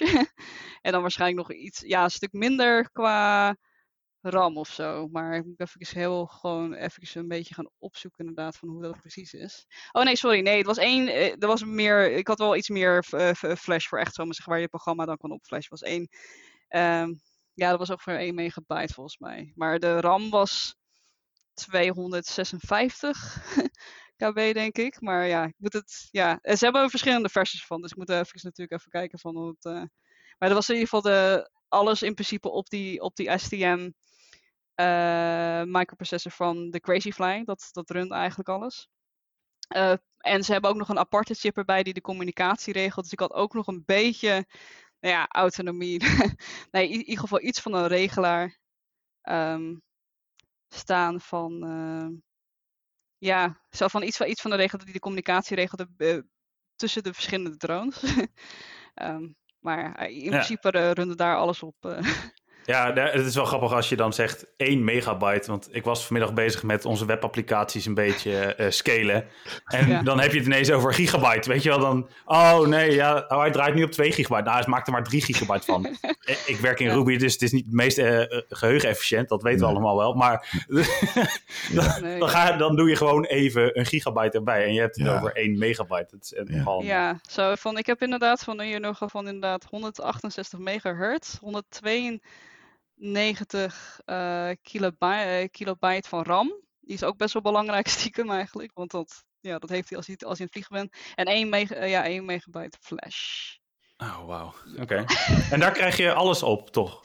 Ja, nou ja, niet, niet, niet, niet, de hele wereld, maar wel genoeg om een zwerm autonoom door een uh, verdieping te laten vliegen, ja. Dat is echt wel, uh, ja, ja, indrukwekkend, ja. Ja, dat klopt. Ja, die F4, dat was. Uh, ja, die, dat, nee, ik, mijn drone. Ja, ik weet niet waar ze nu mee vliegen. Volgens mij had ik een F3, zeg maar. Dat is nog die voorganger. Nee, die F4 was wel weer. Ja, goed. Maar maakt dat maar niet uit. Dan kon je, de, de, de mm, reageerde sneller. De latency was lager en zo. Dus dat was dan wel tof. Dus ja, die dingen. Ja, wel, wel cool. Ja. ja, zeker. Want als je dat hoort wat is dat? Twee, dat zijn nou 192 kilobyte en 1 gigabyte. Ja, joh, dat, dat kun je gewoon echt niet meer voorstellen. Joh. Dat is echt een beetje JavaScript of wat die je browser draait, gaat er al overheen. Dus ja. dat is echt... Oh, wil jij een wereldklok op je website? Hier is goed. ja, precies. Ja, maar dan moet je dan ook nog nagaan dat het niet alleen maar de microprocessor is. Het is eigenlijk alles wat erop draait. Want dan heb je ook nog ja, een vliegend platform. Die motoren, dat neemt best wel veel energie. dat uh, is bijna meer dan de helft, volgens mij. van de batterij is gewoon puur alleen om het, om het vliegend te houden. Nou, volgens mij zelfs meer. Ja. En dan heb je ook nog alle sensoren erop. Van, ik was dus eigenlijk op een gegeven moment. Nee, ik was met een ander platform begonnen. En dan ging ik lekker allemaal mooie sensoren op, opzetten. Nog een cameraatje, een paar van die, van die laser rangefinders. En uh, nou ja, waarom Bluetooth en wifi? Waarom niet? Hè? Gewoon erop. Wat er gebeurde was dat ik maar een anderhalf minuut vliegtijd over had. Voordat zomaar zich de hoogteregelaar het, het af liet weten. En het gewoon, ja, dus dat was, uh, dat was ook nog echt een hele. Dat is ook een heel ontzettend lastig deel aan aan die toons. Want die kunnen eigenlijk niet zo super veel dragen. En alles wat die draagt, nee, ja, als het een sensor is, dat, dat vreet natuurlijk ook energie. Dus dan moet je eigenlijk nog ook van, oké, ik kan geen HD-camera daar, daarop vliegen. Van waar kan ik dan wel op vliegen? Wat is het meest minimale waar ik op kan vliegen? Ja, het, um, het, snoept ook aan twee kanten tegelijk weg, zeg maar. Enerzijds is het gewicht, dus de motoren moeten harder werken. En anderzijds mhm. is het ook nog om het om de sensor zelf uh, draaiend te krijgen, snoept het van je geheugen en je rekencapaciteit af. Mhm. En van je accu. Dus het is echt soort, alles, is, alles moet super nauwkeurig uitgewogen zijn, want anders ja. hou je gewoon niks over. Ja, precies. En denk dat, dat, dat wel ook wel van met, met, met zulke drones vliegen gewoon überhaupt iets van embedded. Gewoon daar, daar moet je altijd gewoon rekening mee houden. In het begin was ik natuurlijk gewoon een beetje naïef.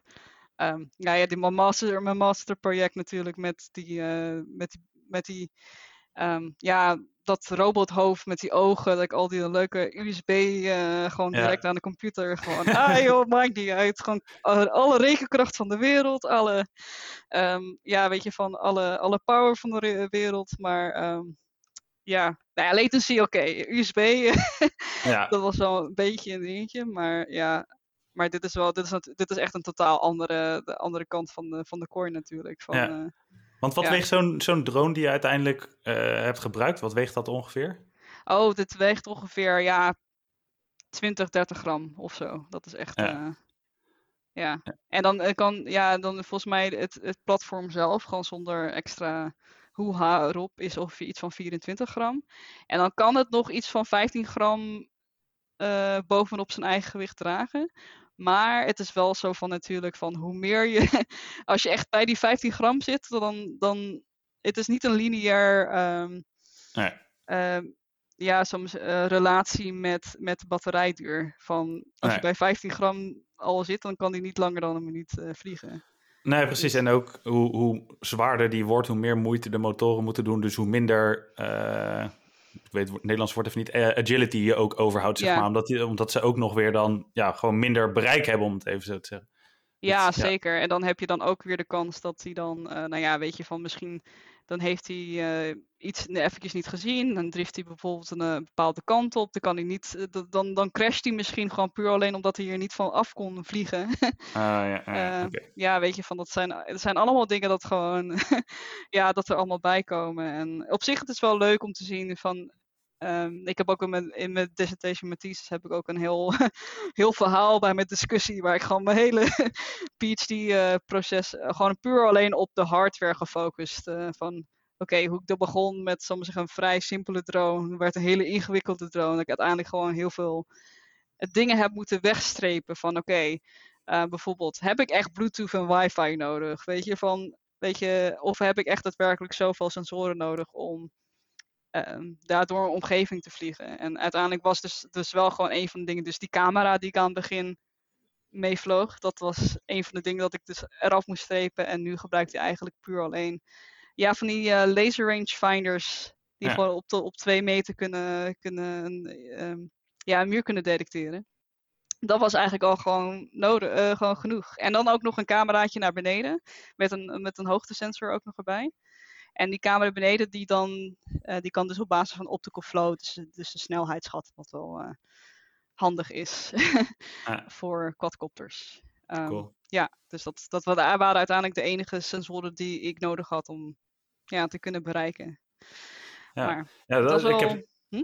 ja ik, heb, ik heb ook zo'n. Uh, het, is eigenlijk een soort bijna vergelijkbaar, behalve dat hij dan niet vliegt, maar met zo'n robotstofzuiger. Die heeft bovenop ook gewoon zo'n LiDAR zitten. En die rijdt gewoon je hele huis rond. En op je telefoon zie je vervolgens een hele kaart. En dan zeg je gewoon: Oh, uh, rijd daar maar naartoe, want daar heb ik een bakje rijst laten vallen. En dan gaat hij gewoon zo, buup, buup, buup, dan rijdt hij vanuit zijn vanuit vanuit hoekje. Rijdt hij er gewoon naartoe, gaat hij er overheen en dan gaat hij gewoon weer terug zijn hoekje in. Dus het is in die zin, de technologie is echt best wel ver gekomen de laatste tien jaar op dit vlak. Dat is best wel heel, heel erg cool. ook... Maar het is wel, want jij hebt de Roborock, toch? Ja, klopt. Ja, nou ja, ik, ik ook inderdaad. Ja. Heb je ooit uh, gezien dat hij een, een klein sensortje aan de zijkant heeft? Ja, een heel klein uh, oogsensortje. Ja, dat is in principe volgens mij wel vrijwel dezelfde sensoren waar ik mee heb gevlogen. En eigenlijk vind ik wel zijn wall-following uh, techniek wel heel erg vergelijkbaar met die van... ik denk wel dat zij er eerder mee waren, maar het was wel van, echt van zo van... Het, het, het, ja, het volgt gewoon eigenlijk gewoon de, de muur op maar één van die sensoren. Van ja, dat heb ik in principe ja. Ook ongeveer zo gedaan. ja. Die dingen, die, dat is wel grappig. Ja, ik heb geen Robo. Ik, heb, ik had bijna die Roborock. Dat is volgens mij die S Roborock 5 of zo. Whatever. Die heb ik dus niet. Met mijn stomme kop. Ik heb een, een 360 S6. Boeit niet. Maakt allemaal niet uit. Alleen die kun, je, die kun je niet routen, zeg maar. Dus die Roborocks, die kun je routen, zeg maar. Dan kun je het gewoon, zeg maar, zelf je eigen software erop zetten. Klopt. En dan uh, uh, doet hij niet meer een uh, call home, zeg maar. Of hoe je dat? Want ja, dat is nog niet alles. Alle data nog... bij Xiaomi. ja, precies. Want die van mij, die 360 SS, die gaat gewoon net, netjes, rapporteert alles maar lekker terug naar China, zeg maar. Ja. Camerabeelden, alles gaat daar allemaal heen. Ja, en klopt. iedereen doet dat. En ik, ik heb echt iedere maand, ja, nu, nu niet meer, maar de eerste jaar, iedere maand zat ik te kijken. Heeft nou niemand dat ding gehackt? Heeft niemand dat ding gehackt? Ik denk, shit, heb ik nou precies weer de verkeerde gekocht? Maar dat draait volgens mij op ARM uh, software, of ARM uh, CPU's, als ik het goed heb. Ja, die sensoren weet ik niet. Dat is verder natuurlijk allemaal I.O., zeg maar, voor die... en die worden ook steeds slimmer, die dingen. Dat is ook wel, wel grappig. Ja, ja. ik denk, neem aan inderdaad dat veel, veel robotica labs ook inderdaad die systemen gebruiken. Ook gewoon vanwege die LiDAR ook gewoon. ja, ja. ja. ja. ja het is een heel vrij simpel, maar super bruikbaar stuk, ja, bruikbare sensor. Ja, je ziet het, uh, uh, Saber, je hebt een Tesla, daar zit hij ook gewoon op. ik bedoel, het is... Uh, ja, dat, dat is wel... hetzelfde gewoon. Ja, precies. Zo'n oranje dingje bovenop. nee, ik weet niet, volgens mij doen ze dat niet op meer op basis van camera's eigenlijk. Ja, nou, ze, ze, hebben wel een LiDAR, want ze kunnen dan bijvoorbeeld via die LiDAR ook weer naar de auto voor de auto voor jou kijken. Dus ze kijken onder de auto door met een LiDAR naar de auto daarvoor. En afhankelijk van of die al afremt, kan de Tesla dan uh, ja, voordat hij met een normale camera het kan zien, kan hij al afremmen. Ja, dat is tot nu toe zo. Dat is heel goed dat je dat zegt. Want ze wilden van die LiDAR af. Dus ze hebben nu Model 3's die rijden zonder die LiDAR, zeg maar. Dat is echt heel tof. En dus die, draai, die kunnen dus nu bepaalde dingen kunnen ze nu niet meer op dit moment. En dan eh, Elon Musk-stijl. Ja, er komt een nieuwe update en dan krijg je die functionaliteit weer terug. Want ze hadden al getest dat ze het zonder alleen op camerabeelden konden ze hetzelfde doen. Is trouwens wel impressive wat het ding uh, uh, wat voor modellen zeg maar, die genereert uh, van, de, van de wereld om, om hen heen. Maar ja, die, sommige Model 3's hebben die LiDAR dus niet meer. Ik heb, ja, mij heeft gelukkig die LiDAR nog wel. Ja, ik, het, viel me ook op dat die gewoon kan zien. Dus niet alleen de auto voor je, maar dat hij ook daarvoor ziet wat voor auto's. Dus als die afremt, dat hij dan al weet, oh, anticipeert. Dus dat, tenminste zo komt het dan over, als een anticipering. Oh, dus waarschijnlijk gaat de auto voor jou ook remmen. Dus dat is wel, Alleen soms heb je nog wel van die momenten dat hij een, ja, een soort van foutje maakt. Denkt, hé, hey, oh ja, ik ga hier remmen, Saber. Uh, nee, jawel, ik ga nu remmen. Nee, je moet gewoon, door, je moet gewoon doorrijden. Ja, ik had het ook al van uh, met... Uh, nou ja, het was niet, was niet met een Tesla, maar die... die ik had eens een keer een, een Volvo gehuurd hier om mijn vriend op te halen bij Gothenburg. Dat is drie uur rijden. Dat is één, één lange snelweg. En ja, Um, lane following, adaptive cruise control. Uh, wel leuk. Maar ik had ook wel van, uh, laten we even kijken van, die, van dat lane following. nou, soms had ik wel af en toe dat hij eventjes rare dingen ging doen. En van, nou, dat blijf... Ja. ja, ik denk ook wel van, het is, doet me ook wel een beetje denken aan een vak dat we hadden gehad met op, tijdens mijn master. Want daar had ik ook wat dingen over automotive van, van zelfrijdende auto's. En dan hadden ze op een gegeven moment een soort van paneldiscussie opgezet tussen iemand die zei van, nou ja, volledig autonoom is de best. En de andere is zo van, ja, nee, je moet een soort van shared control um, invoeren eigenlijk. Dat je er op basis van uh, haptic feedback eigenlijk um, een soort van suggestie geeft van hoe je kan rijden. Maar dat je dat niet zo van net als Tesla van, nee, dit ga ik nu doen. ja, dus dat is wel... Ja, ik weet ik, ja, dat, er, er, er, er is volgens mij nog steeds, ja, dat is misschien wel even een, een heel uh, zijtak. Uh, er is nog heel veel discussie over wat er nou, want je hebt dan vijf levels volgens mij die ze vastgesteld hebben. Mm -hmm. En volgens mij uh, de auto's, ik, volgens mij Tesla zit volgens mij tussen, tussen drie en vier of zo. En dan vijf is helemaal autonoom. Maar er is wel iets waarbij ze zeggen van oké, okay, als, als een auto autonoom rijdt, zeg maar, het moment dat dat, dat een, een, chauffeur het over moet nemen. Dat, een chauffeur moet dan iets van 30 seconden of zo, of een bepaalde tijd, de tijd krijgen om het over te nemen. Weer, ja. ja. Ja. en dat is, dat is bij level 4 of 5. Dat is een soort van. Uh, dus ja, dat, dat, is, ja, dat was het regels van ook nog wel. te laat. ja, nou goed, wij moeten dan. Ja, ja, dat, dat zou kunnen. Maar goed, hij moet dus zelf kunnen rijden. Dus totdat dan die persoon precies, over kan nemen. Ja. En uh, dus dat, ja, er is nog wel een lange weg te gaan. Want Elon Musk was wel iets te optimistisch, heeft hij zelf ook toegegeven. Mm -hmm. Van dat hij zegt van ja, het is misschien toch niet helemaal haalbaar om dat ding helemaal autonoom te laten rijden. Kijk, volgens mij is het op de snelweg rijden nog het makkelijkste. Mm -hmm.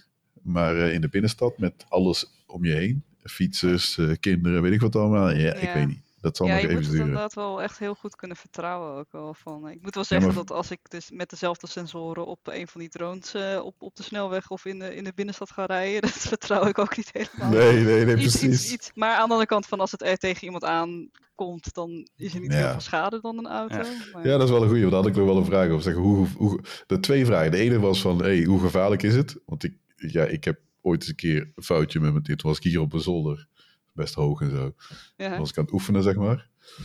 Dus dat ding vloog. Nou, heel tof. Hey, ik heb hem redelijk. Hij gaat een beetje floten. En toen kwam hij, drift hij rustig mijn kant op, zeg maar. Ik denk, wauw, dat valt. En hij kwam naar me toe. En dus, eh, wat doe ik met mijn controle? Dus ik, ik, ik, ik trek mijn controle omhoog, omhoog zeg maar, om eh, mezelf te verdedigen, als het ware. Dus dat ding vliegt naar mij toe. Ja, daar zitten gewoon, als het ware, gewoon messen op, zeg maar.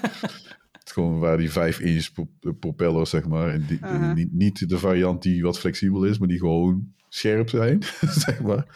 voor En dat, eh, ja, precies. Dus ik sneed me, hier heb ik me gesneden en toen stort hij half neer. Mijn spijkerbroek ging nog, nee, dat was kiele kiele. Dus daar heb ik al snel van geleerd. Dus die, die was gevaarlijk, zeg maar. Als je die zeg maar autonoom laat vliegen en je vliegt naar iemand toe, mwah. Ik denk niet dat dat handig is. Maar hoe, hoe, hoe gevaarlijk is? Ja, dit zijn kleinere drones, maar dat, dat is niet heel ja, spannend. ja. Of, eh, ja. Ik, ik kan je zo van op zich, ja, van dat kunnen ze niet op de podcast zien, maar ja, van eh, dit, dit is ongeveer een beetje van hoe groot de propellers zijn. En het is een beetje inderdaad van dat zachte plastic.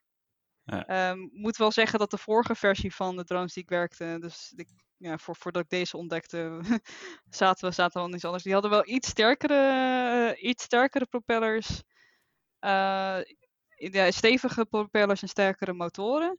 Ehm, en daar, daar heb ik wel ook af en toe wel eens een keer. Ja, maar dan krijg je een schrammetje. Ehm, nou ja, ik draag zelf ook wel vaak een bril. Ook wel van, nou, ik denk, ik moet wel zeggen van met deze dan hoef je in principe niet echt een bril te dragen. Maar eh, don't, don't quote me on that. Als je niet kan vliegen, dan, eh, dan moet je het eigenlijk gewoon altijd doen. Eh, maar met die andere, dan had ik eigenlijk altijd een veiligheidsbril op. Ehm, want ogen zijn vooral een dingetje. Maar voor de rest echt, echt niet. Nee, het zijn, eh, dat zijn echt eh, best wel veilige, eh, ve- veilige dingen. Nog veiliger zijn die flapping wing MAV's. Dat is nog van als eh, dat tegen je aankomt, dan ja, weet je, gebeurt er helemaal niks. Ehm, ja. Nou ja, weet je, van het was ook, ehm, ook zo van met, met de veiligheid. wat ik in ieder geval van mijn eerste prototypes hadden, dat was natuurlijk een ja, was ja, misschien niet per se gevaarlijker, maar ze waren wel gewoon wat onbetrouwbaarder ook. Uh, want op een gegeven moment, toen was het ook zo van, nou ja, weet je, met één drone zat ik al heel erg krampachtig met een, met een uh, uh, paraat, met een, met een controller erbij, om te zeggen van, oké, als hij valt, dan, dan neem ik het meteen over. Want als hij, als hij natuurlijk kaart tegen een, muur aangaat, nou, dan zie ik het al, nou, dan moet ik het weer sorteren en dan moet ik dat weer aan elkaar zetten. Dus ik, ik was eigenlijk altijd bezig om eventueel op te kunnen vangen als zo'n drone um, ja, weet je, van toch een beetje wegdriften. En ja, weet je, soms kon die camera ook niet alles hebben. Dan kijk je bijvoorbeeld naar een compleet zwarte muur en dan kon die de snelheid niet meer inschatten. Um, weet je, en dat, dat, zulke dingen konden gewoon gebeuren. En ik denk van, ook, ja, en, dan kom je eigenlijk zo van als je, als je, als je een zwerm wil laten vliegen autonoom, moet je, moet je volledig vertrouwen hebben dat één drone het goed kan doen. Dus ook gewoon voor mijn laatste testen was ik op een gegeven moment was ik gewoon in één kamertje. En dan zaten ze dus gewoon echt uh, gewoon in de gang en dan was gewoon druk. en dan vlogen ze. Er waren natuurlijk geen echte, niemand op uh, daar überhaupt aanwezig. Maar niet dat ik daar heel veel zorgen over zou maken of zo. Maar het was ook zo van dat ik gewoon kon vertrouwen dat ze dan drie kamers er verderop ook nog steeds aan vliegen zijn. En niet, niet, niet aan het crashen. ja, dus dat, uh, ja, dat is een ander soort vertrouwen in gedrag. Maar, maar uh, crashen ze vaak of valt het mee? Oh, ja. Dus, wel, okay. ja, in het begin, soms in mijn beginfase van PhD wel vrij vaak. Um, ja, en denk van met, met deze drones toen ik inmiddels, um, nou ja, weet je van dat, dat, dat, ik denk het wall following, dat ze dan gewoon echt de, de, de, de, de obstakels goed konden detecteren en ook gewoon echt er goed omheen kon gaan. Zolang dat perfect was. Um, dan was eigenlijk gewoon eigenlijk de rest van de, het algoritme ook gewoon heel goed betrouwbaar. En daar ging ik dus eigenlijk gewoon door een soort van iteratief proces. Dus dan ging ik het eerst in simulatie, ging dus dan kijken van oké, van hoe krijg ik het daar goed... oké, laten we dan nou het echt proberen. Ah, dit werkt nog helemaal niet. Oké, weer terug even naar simulatie. En dan, ja, dan moet je dat gewoon echt continu gewoon verbeteren. Um, ja, want als je met een zwerm werkt, dan moet je gewoon echt vanuit gaan dat, dat eentje het wel gewoon echt 99% gewoon van de tijd niet crasht. ja, dus uh, ja. Uh, want ik, ik zag zeg maar, uh, ja, in, die, in die filmpjes zeg maar, zag ik steeds, volgens mij, drie, vier drones ongeveer. Maar hoe, hoe schaalt dit, zeg maar? Kan ik, kun je, of kan ik, ik kan helemaal niks, maar stel dat er nou honderd uh, uh, in een zwerm. Kan, kan dat? Schaalt het zeg maar op die manier? Of, of maakt dat eigenlijk niet uit? Of, of heeft het juist um, voordelen om met meer drones dat je misschien meer uitwisseling hebt van de data? Of, ja, ik weet het niet. Nou, ik moet wel het over het algemeen meer kan natuurlijk altijd beter zijn. Maar ik moet wel zeggen, voor mijn uiteindelijke doel was gewoon met meerdere drones. Um, ja, het autonoom door van dat je gewoon de kamers kan, kan bezoeken en niet tegen elkaar kon crashen en zo. Um, schaalt niet helemaal als je naar 100 gaat. Van ik heb dus uiteindelijk, nee, ik heb dus uh, tot, tot en met 6 gevlogen. En dat was dan een, um, een verdieping waar ze dan ongeveer 8 of 9 kamers erin konden. En dat was dan ongeveer 80 bij 30. Nou ja, volgens mij zelfs volgens mij iets van 100 tot uh, met, uh, 100 bij 40 uh, meter. Um, dus dat was, wel, best wel groot. Maar wat we wel zagen in, ieder geval de resultaten. Want ik ging het natuurlijk proberen van eerst met twee, dan met vier, dan met zes. Ik heb uiteindelijk met acht geprobeerd. Uh, het, is, het is met acht gelukt, maar niet, helaas niet meer, uh, niet meer goed genoeg voor de resultaten. Want dan ja, moest ik toch dingen weer veranderen aan de code. En je wilt natuurlijk al die experimenten volledig gelijk zijn. Dus we zijn uiteindelijk, we hebben acht kunnen bereiken, maar niet in ieder geval in de paper of de uiteindelijke resultaten. Dat was wel een hm. beetje jammer. Maar wat je wel zag, uh, is dat uh, de hoeveelheid drones die dan terugkwamen, um, zeggen, het percentage van werd dan wel minder. En dan konden ze bijvoorbeeld al wel iets minder, ja, van je kon wel gewoon van, uh, natuurlijk meer dat koffert natuurlijk meer ground. Ja. Maar op een gegeven moment heb je wel een soort van verzadiging. ja, ja. Want, Hoe noem je dat? Uh, ja. uh, chips, nou ben ik het even vergeten. Ik moet nu altijd, ik moet altijd Law aan... of diminishing returns? Ja, precies. Ik moet altijd aan World of Warcraft denken. Dat is echt zo stom. misschien, dan... misschien vergelijkbaar inderdaad. Ja, dat, precies. Want dan heb je ook altijd ergens vanaf de eerste punten krijg je de diminishing returns. Dat, ja, dus dat, dat, is wat ik probeer te zeggen. Ja, precies. Ja, dus wat je dus dan eigenlijk op de werken zag van dat het verschil van de area dat gecoverd was echt enorm was van 2 naar 4. Maar van 4 naar 6 was er niet heel veel, heel veel meer. Dus uh, ja, naar achter was het waarschijnlijk nog, nog kleiner geweest tussen 6 en 8. Hm. Dus dat, dat, dat, die, die law of diminishing returns kon je wel echt wel in die resultaten zien. En voor die zo, zo grote was dus eigenlijk blijkbaar 4 al genoeg. dus ja, nou ja, 6, 6, 6 had wel, wel, wel meer coverage en zo. Maar... Ja, oké, okay, maar volgens mij hadden we het een heel stuk eerder zei je ook iets van ook. Uh, um, als elkaar tegenkomen, dat ze dan zeggen: Oké, ik ben daar al geweest, zeg maar. Dus die kamer. Stel dat je. Ja, ik, ik dacht dus: stel dat je nou in plaats van vier, noem eens iets, 25 drones hebt, dat ze dus meer. Uh, hoe zeg je dat? Ja, niet meer resolutie, maar meer, ja, meer informatie hebben om aan te geven waar zijn ze geweest. Zeg maar dat misschien efficiënter zou zijn om dan uh, aan te geven welke kamers je bent geweest. Maar ja, goed, dat is even gewoon echt compleet ja, een, een, een, hypothese zeg maar, die niet per se uh, hoeft te kloppen. Ja, het, het, het, is zeker niet dat het kan, maar ik denk van met, met van de methode die ik had ontwikkeld was dat waarschijnlijk wel lastig geweest. Want dan, weet je, dan krijg je dan een soort van tik-tak van, oh, ik ben hier geweest, oh, ik ben daar geweest. Want je, weet je, want je kan niet heel erg fijn uh, het fine-tunen precies in welke hoek je geweest, was gewoon van een soort van algemene richting. Plus ook dat ze elkaar ontweken, puur alleen. Nou ja, op het einde, dus dan had ik besloten om niet precies de, de positie te bepalen van de andere droom, maar puur alleen als ze in de buurt zijn. Uh, dus dan op een, uh, dan zijn ze met elkaar aan het communiceren en dan hebben ze dan een wireless signal dat ster sterker wordt. Dus van, oh, wacht even, oké, dan ga ik aan de kant, dan kan jij door. Maar met 25 in diezelfde ruimte, dan, dan, dan krijg je gewoon continu ja, dat, dat, uh, dat er echt heel veel best wel lang op de andere moet wachten. Dus, yeah. ja, dat gaat niet werken. Nee. Oké. Okay. Uh, eh, nu, volgens mij hebben we nu eigenlijk heel veel gehad op, over je, ja, je, je, het, werk op, op, op, op, zo, het werk op de universiteit en je, en je PhD-paper.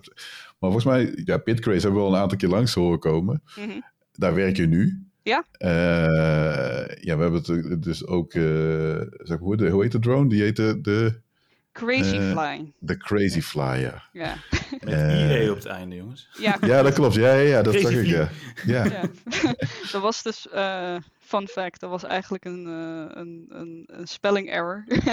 en dan dachten ze van, dat is leuk, laten we, dat laten we zo. Ah, dat is eigenlijk okay. niet intentional. Misschien is het nog wel fijner om te googlen. Ja. Ik weet het niet hoor, maar dat zou best wel kunnen. Want je hebt een specifieke iets dat niet zomaar iemand ja, anders ook gebruikt. Ja, precies. Ja, ja. ja, uiteindelijk was het inderdaad wel handig, ja. Ja. ja. Uh, maar maar wat, wat, wat, wat doet Bitcraze? En ja, wat is de Crazy Fly? Ja, goed, het is een drone, dat weten we. Maar ja, wat, wat doet uh, Bitcraze? Um, ja, ja, dus Bitcraze, dus die, die heeft dus eigenlijk, um, is eigenlijk begonnen met, met uh, drie, drie mannen, dus Arno, Tobias en Marcus. Die waren allemaal ja, technische consultants en die hebben dus eigenlijk als een soort van zijproject met elkaar. Dus eigenlijk een soort van zo'n drone. De kleine drone ontwikkeld. Toen de tijd Crazyfly 1.0. Um, ja, en dat ging op een gegeven moment zo lekker. Um, er waren zoveel mensen geïnteresseerd dat op een gegeven moment van... Oké, nou ja, weet je, van... Misschien kunnen we hier gewoon echt een bedrijf om beginnen. En dat is gewoon eigenlijk gewoon echt een beetje de. Ja, het is een hele simpele origin story. Op een gegeven moment dat ze van, nou ja, dit, dit, uh, dit, dit gaat werken. Wel, het, wel het handige is, is natuurlijk, er, was, er waren geen um, investeerders of zo. Van, ze hadden gewoon hun eigen baan. En op een gegeven moment hadden ze gewoon van, oké, nou ja, volgens mij kunnen we hier wel een, een wel gewoon een, een, salaris nog wel van maken. Van, in de begintijd was het natuurlijk wel, um, ja, natuurlijk wel iets minder. Maar ja, dat is natuurlijk uit, uiteindelijk gewoon gegroeid, gewoon puur alleen op, op de Crazy Fly. En daar omheen hebben we dus eigenlijk een hele ecosysteem ont, uh, eigenlijk eromheen gedeveloped. Dus dan begonnen we bijvoorbeeld met van die expansion decks. Um, dus dat je eigenlijk gewoon die extra sensoren erop kan zetten. Wat dus, dat ik dus uiteindelijk ook had gebruikt voor mijn PhD. Dus dan kon ik daar de flow deck erop zetten of de multi-ranger deck. Uh, en dan kan je dus eigenlijk van extra functionaliteit geven aan die drone. En plus nu ook gewoon de laatste paar jaren zijn ze ook heel erg aan het focussen op uh, ja, positioneringssystemen. Dus de, de drone die kon al vliegen op basis van motion capture systeem. Maar ze hebben dus ook iets op basis van ultra-wideband ontwikkeld.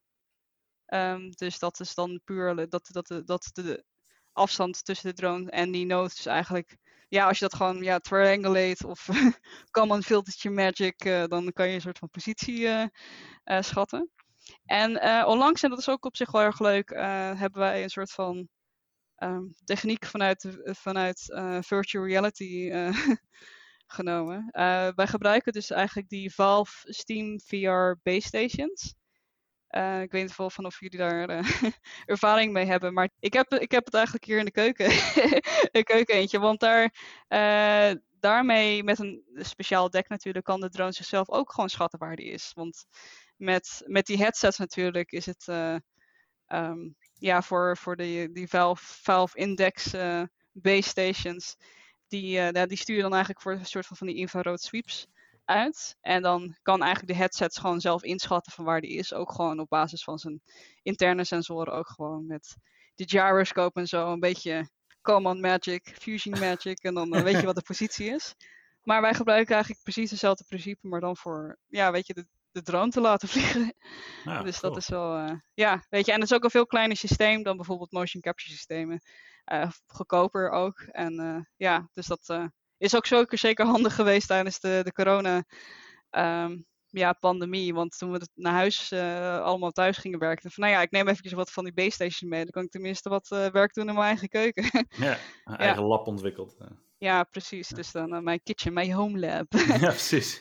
um, Ja, en het, het is denk ik wel van, wij verkopen dus eigenlijk daadwerkelijk gewoon de Crazyfly, de ecosystem, alles wat er omheen is. Maar het is alles wat er op de microprocessors draait en alles wat er op de computer draait, dat is allemaal open source. Dus dat is, dat is allemaal uh, op GitHub. En, dus, en ja, ik zit ook nog wel, we zitten ook nog wel redelijk met de voet nog in de academische wereld, of in ieder geval de research community. Want het fijne wat zij dus met de Crazyfly kunnen doen, is dat, dat ze daadwerkelijk ook hun eigen uh, firmware of software op kunnen zetten wat ze willen. Dus als ze bijvoorbeeld een nieuwe controller willen bedenken, of ook inderdaad iets met autonomie willen doen, of swarming, dat, dat kan gewoon. Um, ja, het is ook wel van wat je noemde, um, eerst ook gewoon van die DJI, eh, van die DJI drones, bijvoorbeeld de Tello. is ook heel gaaf trouwens, want dan kan je namelijk ook um, ja, vanuit je computer, dan kan je de camera, dan kan je daar leuke dingen doen met, met uh, OpenCV en dan kan je um, dingen toe, uh, naartoe sturen, zodat hij zal zeggen, kan, uh, naar de andere kant uh, kan vliegen of, je, of jouw gezicht kan volgen. Het, het vervelende alleen is, is dat je eigenlijk daar heel weinig mee kan verder dan dat. Je kan er niks, je kan niet de firmware vervangen met iets anders. Of, Klopt, ja. Ja, ja ik heb toevallig een uh, Tello, de originele. Want volgens mij, de, de, er is een andere... Ja, die, die, die, dat ding ligt nu echt onder te stoffen natuurlijk weer heel suf. Maar er is een Tello Edu volgens mij. Dus een, een, een doorontwikkeling. En daar kon je volgens mij iets meer mee. Ik weet niet of daar de firmware van te vervangen was, maar dat viel me ook wel tegen. Want de, de CPU die erop zit, dat is zo'n Intel nog wat. Uh, dat is op zich een heel interessant dingetje, zeg maar. Alleen dat, dan, dat je daar geen toegang toe hebt, dat was, vond ik een beetje jammer. Ja, zeker. Het is wel echt al nou ja, ik, ik moet wel zeggen van er was onlangs al een, een mooi YouTube filmpje ook wel van iemand die dan, uh, dit volgens mij echt wel iets van 3 miljoen views van iemand die een Tello gebruikt om een soort van computer vision uh, projecten te laten zien. En dat was, ja, dat, daar is zeker heel veel animo voor. Maar als je echt daadwerkelijk een zwerm wil gaan vliegen met de Tello, dat, dat kan in principe niet. Want dan ga je geen, dan kan je eigenlijk niet implementeren voor wat ik dan tijdens mijn PhD heb kunnen implementeren. En dat is gewoon heel erg jammer. Ja. ja, sowieso. Ja, precies. Want het, het, het, de extensibility van die Tello is volgens mij gewoon nul. Ja. Er zitten volgens mij alleen maar camera's die naar beneden wijzen, toch? Die dan op die manier uh, bepalen wat de hoogte ook is, als ik het goed heb. Ik weet niet of er nog een, een barometer of andere sensoren ja, op zitten. zou heel misschien een sonar aan de onderkant zitten. Van ja, dat kan, ja. Van, het ziet eruit als twee microfoontjes. Of ja, het volgens mij is dat dat, ja. infrarood uh, laser range ja. sensor kunnen zijn. Um, ja. Ja, en, hij heeft dan natuurlijk aan de voorkant een camera, want daar kon je mee filmen. Dat, dat was wel, ja, goed. ja, ja, ja. ja, ik weet niet dus of dat... inderdaad alleen met de laatste versie is of de nieuwste versie. Maar, ja, ik weet het ook niet. Maar goed, het was toen veelbelovend. Het is volgens mij niet eens... Ja, die Tello was niet van DJI. DJI heeft, heeft dan een soort van een partnership of zo. Of, of, of dan konden ze een, een naam was, van... Het is powered by, uh, volgens mij. Ja, precies. Ja, ja, zo goed. Uh, Zo'n uh, constructie, ja. Natuurlijk een partnership met DJI, dat heeft natuurlijk ook weer consequenties. ja, maar het is wel. Ja, het is wel.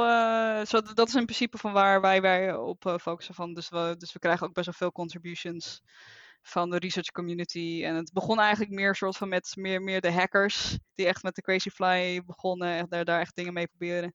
En dat is, zal maar zeggen, een soort van ingevloeid nu ook van de, universite de, de universitaire research. Um, nou ja, ik heb natuurlijk het tijdens mijn PhD uiteindelijk gebruikt. En er zijn nu ook gewoon stappen om het in, um, in het onderwijs te gebruiken voor robotica klassen en zo. Dus uh, nee, het wordt al voor universiteitsklas uh, gedaan van, van control uh, dingen. Van, dat ze dan gaan kijken van hé, hey, als ik een beetje de, de control gains aanpas, dan wat, wat doet hij? Want dat is natuurlijk een heel dynamisch um, ja, een dynamisch systeem. Dus altijd heel erg interessant, ook voor control engineering klassen. Maar voor robotica klassen ook. Uh, nou ja, dat, dat zijpelt het inmiddels ook een beetje door naar misschien uh, ja, middelbare school. Uh, sommige plekken gebruiken ze het al. Dus ja. ja. Tof. En wat doe jij precies bij Bitcraze? Want we weten nu wat het bedrijf doet. En wat doe jij daar in het dagelijkse leven? Oh, ik doe er echt van alles. nee, het is een, het is een Hoeveel medewerkers werken er? Even voor het beeld voor um, ja, we zijn eigenlijk maar zeven nu op dit moment. Oh, wow, is eigenlijk niet zo heel veel uh, van. Nou ja, we zijn binnenkort zijn we tien jaar. Dat is al best wel lange tijd. Um, maar uh, ja, we zijn met z'n zeven en zes, zijn, uh, zes daarvan zijn echt developers. Uh, maar ja, met zo'n klein bedrijf dan ben je eigenlijk met van alles bezig. Dus af en toe ja. doe ik ook wel wat sales. Of schrijf ik blogposts, ben ik met de website bezig en zo. Dus ik eigenlijk ah, eigenlijk okay van alles wat. Uh, maar ik ben denk ik wel wat meer aan de Python-side bezig. Dus gewoon vanuit de computer. Um, ja, van de, de aansturing van de libraries die het, die het aanstuurt en zo. Um, en inmiddels ben ik wel bezig om onze documentatie iets beter op paal te krijgen. Want natuurlijk, uh, ja, het is, het is, dus, dus, zeker een stuk beter dan het was um, met de, de, van de era van de Crazyfly 1.0. Met voor de Crazyfly 2 zijn er steeds mensen die het af en toe nog wel moeite hebben om, te, om er volledig mee te beginnen. Maar uh, het, is wel, het is wel een stuk Beter. makkelijker. Ja. Ik was even voor de mensen die niet weten wat het is. Het is dus een, een kleine drone die, uh, die open source uh, software draait.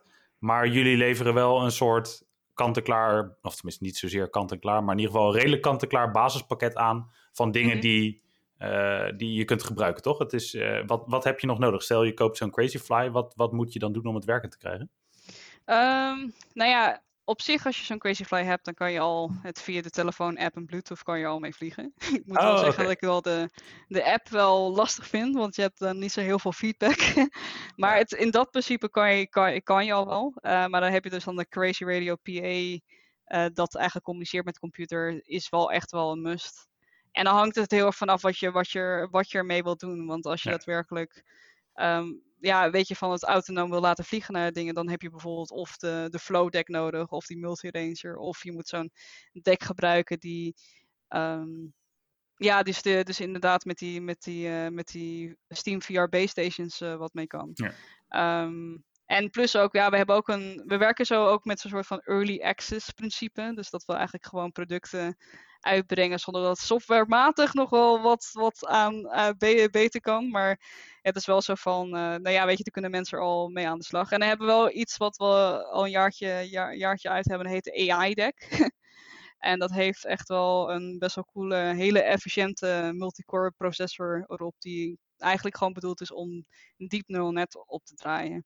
Ah. Dus dat is wel echt een super, en ook echt een ontzettende super uh, efficiënte microprocessor. Want we hadden het net over van, nou ja, ik, ik kwam dus met, op een gegeven moment met al mijn sensoren en zo op 1.5 uh, minuut. En nu heb je eigenlijk gewoon iets wat gewoon deep neural net kan draaien um, zonder, zonder ja, dan weet je van natuurlijk de, de vliegtijd gaat natuurlijk wel gewoon naar beneden, maar niet, niet naar, naar één minuut zoals het ja, voor mij was. ja, dus dat is, dat, is wel, dat is wel een zeker leuk uh, product. En ja, weet je, van dat Edge AI of Edge Computing, dat is wel echt wel inmiddels een, inmiddels een dingetje. Maar ik moet wel zeggen van, als je zegt van Edge AI of Edge Computing, denken mensen van, ah, joh, dan misschien een Raspberry Pi'tje, weet je, van dit, dit is nog wel eventjes, even een, een tikkeltje extremer, moet ik wel zeggen. Het is, uh, het is wel, uh, maar het is wel cool. Uh, ik, als ik zie wat, wat mensen ermee doen, dat, dat is wel, ja, wel hele gave dingen. Dus, ja, ja. oké, okay, cool. En being open source, dat betekent dus ook dat mm -hmm. de community verbeteringen aan kan leveren. Wordt dat ook gedaan? is er echt een soort bezige community omheen?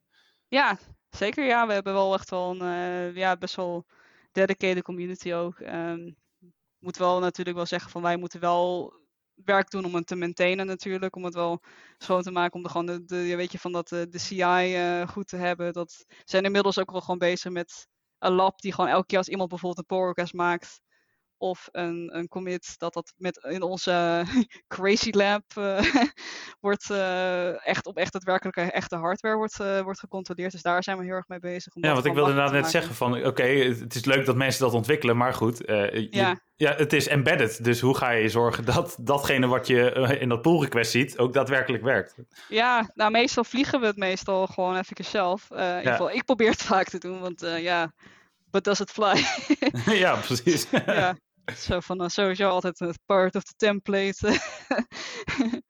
videootje dat vliegt. Nou ja, dat, dat weet je van, soms moet je het ook een beetje, uh, een beetje van bekijken. Nou, dit vertrouw ik wel, maar als het echt een hele grote aanpassing is, dan, dan zelf probeer ik het altijd wel gewoon te vliegtesten. Ja. Um, ja. maar het is natuurlijk ook wel een beetje. Uh, nou ja, ik denk wel misschien wel ook wel een, goed punt om even, ook even over te discussiëren. Want we, we, zijn nu inmiddels een beetje doorgevloeid naar oké, van, van research, uh, research and design of researchers uh, van, van universitaire groepen. En dan zie je bijvoorbeeld hele mooie papers tevoorschijn komen. en dan van, oh, dat is heel gaaf waar is de pull request? Weet je? Zo van, uh, en, en, en dat kan nog wel, dat kan nog wel even een stuk beter. Van, we hebben een aantal wel erg dedicated community members, maar dat, dat zou er veel meer kunnen zijn. Um, ja, dus dat hoop ik dat, daar dus, dat we daar ook wel wat meer in, ja, het, het geval ma makkelijker voor hun kunnen maken om um, ja, in ieder geval alles wat ze, wat ze doen als ze een nieuwe controle hebben gemaakt of iets autonooms of iets, dat ze dat wat, wat sneller ook um, mergen met de originele codebase. Als het echt daadwerkelijk ook handig is voor, voor de rest voor die Crazyfly, eh, die de Crazyfly gebruiken. Dus dat, dat kan wel, dat kan nog wel wat beter, moet ik wel zeggen. Ja, ja ik, vind, ik vind het wel een heel tof concept eigenlijk. Ik moet zeggen, uh, ja, we hadden het in de voorbespreking al even. Ik heb heel toevallig zo'n Crazyfly 1.0 uh, gekocht in 2013. Um, ehm, en ja, uh, ik heb dus eigenlijk sinds ik uh, het mailtje van Saber kreeg van... Uh, hey, Kimberly van Bitcraze komt, komt bij ons in de podcast. Toen dacht ik van, oh, dat is eigenlijk wel tof. maar ja, het is, ja, mijn ervaring van toen is natuurlijk waarschijnlijk niet meer ja, heden ten dagen nog echt actueel. Maar toen inderdaad was het, ja, je moest een VM downloaden en dan had je wat shady software. En dan, ik, ik had dan een MacBook en dan moest je die, die USB-controller moest je dan doorlinken via je, je virtual box naar, naar dat ding. En oh ja, je had ook nog een PlayStation controller of een Xbox controller nodig, want anders kon je dat ding niet besturen. Dus dat moest ook weer allemaal doorgelinkt worden. En dat werkte allemaal maar net een beetje. Maar als hij het helemaal deed, ja, het was super tof. En ik weet nog, ik had het ding gekocht, laten bezorgen bij mij op kantoor. Of tenminste, op het kantoor waar ik toen werkte. Um, en dat ding in elkaar gezet en gesoldeerd, want je moest die motortjes dan nog uh, op vast solderen. En uh, nou, prima, een dag later dat ding terug. En echt, ja, iedereen door dat hele kantoor heen vliegen. Het was wel echt gewoon zoiets, zoiets tofs. En ja, het was natuurlijk gewoon een, een softwarebedrijf. Dus de, de, gedachte dat het open source was en dat je eigenlijk alles zelf ook nog kon aanpassen. Ja, dat is, het, het, was toen al iets magisch. En ik vind het wel heel leuk om te zien en ook te horen dat tien jaar later nu dus nog, dat bedrijf nog steeds bestaat.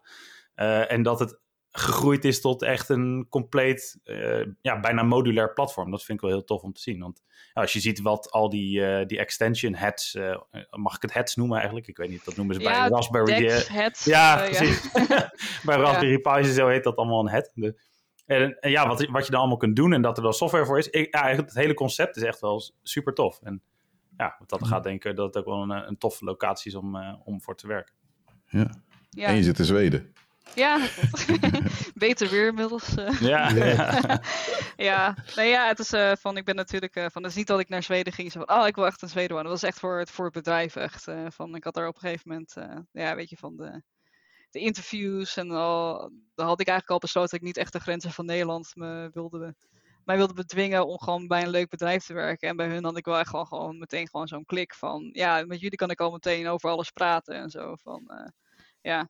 moet wel zeggen dat, ze, dat ik van toen ik daarheen kwam, dacht van, ah, ik kan wel, kan, kan wel redelijk programmeren. Hè? Ik heb een zwermel laten vliegen.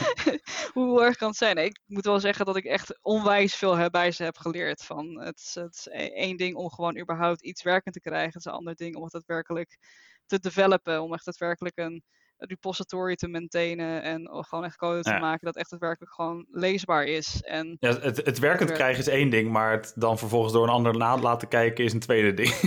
ja, ja, zeker. Het is wel echt wel van, ja, weet je, van... ja, het is alleen maar zover wat je kan komen met alleen maar in code comments, weet je. Ja, dus ja, eh, ja. Van, maar dat is ook, uh, ja. Dat is ook wel een beetje de brug naar het laatste onderwerp wat we... Uh, het is het volgende onderwerp en dat is ook het laatste mhm. onderwerp, heel eerlijk. Maar dat is uh, software development in de academische wereld. Uh, ja, dat is eigenlijk wel een goede brug, want je had het er net eigenlijk al over een beetje. Ja, van, hoe, met, hoe, ga je met softwareontwikkeling om, dus bij Bitcraze, of hoe je, heb je het daar geleerd. Ja, ik, ik zelf had dit niet zomaar als onderwerp kunnen verzinnen. Ik bedoel, het komt een beetje uit jouw creatieve geest, zeg maar. Uh, dus, maar en als ik het goed begrijp, gaat het er vooral om zeg maar, hoe vanuit de academische wereld. En dan bedoel we dus niet softwareontwikkeling, academische wereld, maar gewoon ja, uh, ja, robotica of uh, uh, ja, dus de andere takken van sport, zeg maar. En hoe die dan met softwareontwikkeling omgaan en hoe ze daar tegenaan kijken. Ik, ik kreeg er wel een beetje een Sheldon en Howard gevoel bij, zeg maar. en dan was ik Howard. Want die Sheldon zit elke keer Howard natuurlijk voor de gek houden. ja, hij is mijn engineer. en, en, hij is natuurlijk veel beter. Maar goed, dat, dat was een beetje wat er in mijn hoofd uh, langs kwam. Maar dat, uh, uh, ja, daar gaat het natuurlijk niet om. Maar ik, ik vind het wel interessant om te bespreken. Zeg maar, hoe jij er dus tegenaan kijkt. En, ja, wat, waar ja, kreeg je mee te maken toen je gewoon ja, ja bij Bitcrazers te, te werken kwam. En ja, hoe je met software development om bent gegaan. Wat, wat kun je daarover vertellen? Um, ja, nou ja, weet je van, het is natuurlijk wel van, inderdaad, ik daar net even daar al, een beetje over had van het software development in de academische wereld en in de industrie, of eventueel bedrijven die open source repositories maintainen, is wel echt daadwerkelijk wel een verschil. Um, ik denk dat in de academische wereld natuurlijk wel gewoon echt van de focus is op het krijgen van resultaten. Dus weet je, je moet je resultaat krijgen, hè, dan heb je een mooi potje mooie ver vergelijking. En dan, uh, weet je, dan, kan je dan je paper schrijven, dat submitten. En dan heb je, weet je, de checkje voor je, voor je thesis. Of dan de checkje voor je eventueel voor je, voor je afdeling. Um, maar om echt daadwerkelijk uh, goede code te kunnen ja, van uh, natuurlijk, er zijn zoveel dingen wat, wat er daadwerkelijk in je code. Er zijn zoveel elementen dat eventueel andere mensen ook kunnen gebruiken. Het punt is nu zo van bijvoorbeeld, dan, dan, dan publiceer je een paper, dan zet je je code op een repository. En dan kijk je er niet meer naar. het is nergens in gemerged. Je, je, je kan het alleen maar gebruiken van, ja, als je dan de oude versie van deze droom gebruikt, of de oude versie van dit. Um, ja, en dat is zo ontzettend zonde. Want ik denk van, nou ja, als, als je daar gewoon meer tijd voor, voor had als ja, PhD-student. Of dat je daadwerkelijk wat meer um, uh, ja, mensen vanuit je lab die daarop kunnen focussen. Die kunnen daadwerkelijk eventueel integreren. Of daadwerkelijk ook gewoon in, dat het uiteindelijk ook gewoon in de repositories terechtkomen. Ik zal wel zeggen van mijn, mijn eerste bijvoorbeeld. Ja, ik weet je, mijn PhD was ook gewoon heel erg dicht. Uh, het was ook wel echt heel dicht bevolkt met heel veel onderwerpen. Dus ik moest er ook wel echt wel goed doorheen.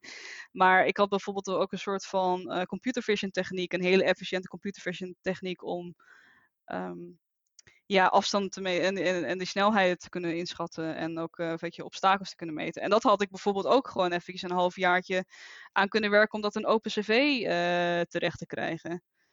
En dat heb ik niet gedaan, omdat ik dus eigenlijk gewoon meteen, meteen moet door. En dat was wel heel zonde, want als ik dat had gedaan, dan ja, was waarschijnlijk mijn paper dan vaker, vaker geciteerd. Um, dan hebben mensen daadwerkelijk ook echt makkelijker kunnen gebruiken. Ook gewoon puur in simulatie. Ja, het, weet je van, het is, er zijn zoveel voordelen bij om daadwerkelijk je code al gemerged te hebben in een platform wat mensen gewoon meteen kunnen gebruiken. Maar je krijgt er eigenlijk te weinig tijd voor. Eh, omdat de focus eigenlijk gewoon in de universitaire wereld ligt gewoon eigenlijk niet op de contributie voor, voor, ja, ja, voor, voor die open source repositories. of ja, je code, dat dat makkelijk, makkelijk te gebruiken is, maar gewoon eigenlijk het publiceren van de papers. Wat wel jammer is. nou ja, weet je, het paper schrijven kan, kan leuk zijn, maar ja, weet je, het, zoveel meer dan dat eigenlijk. Is dat, is dat uh, ja, ik zit een beetje te denken, ik weet het is nog niet helemaal uitgekristalliseerd, maar bedacht het me. maar is dat, an, is dat, dat is denk ik wel anders dan met andere uh, ja, takken van sport. Dus kijk, bij softwareontwikkeling, het, het fijne daaraan is, is dat je gewoon, ja, je hebt een PC nodig of, of, of, iets, een computer. Dat is natuurlijk heel breed, maar ik doe het even bewust.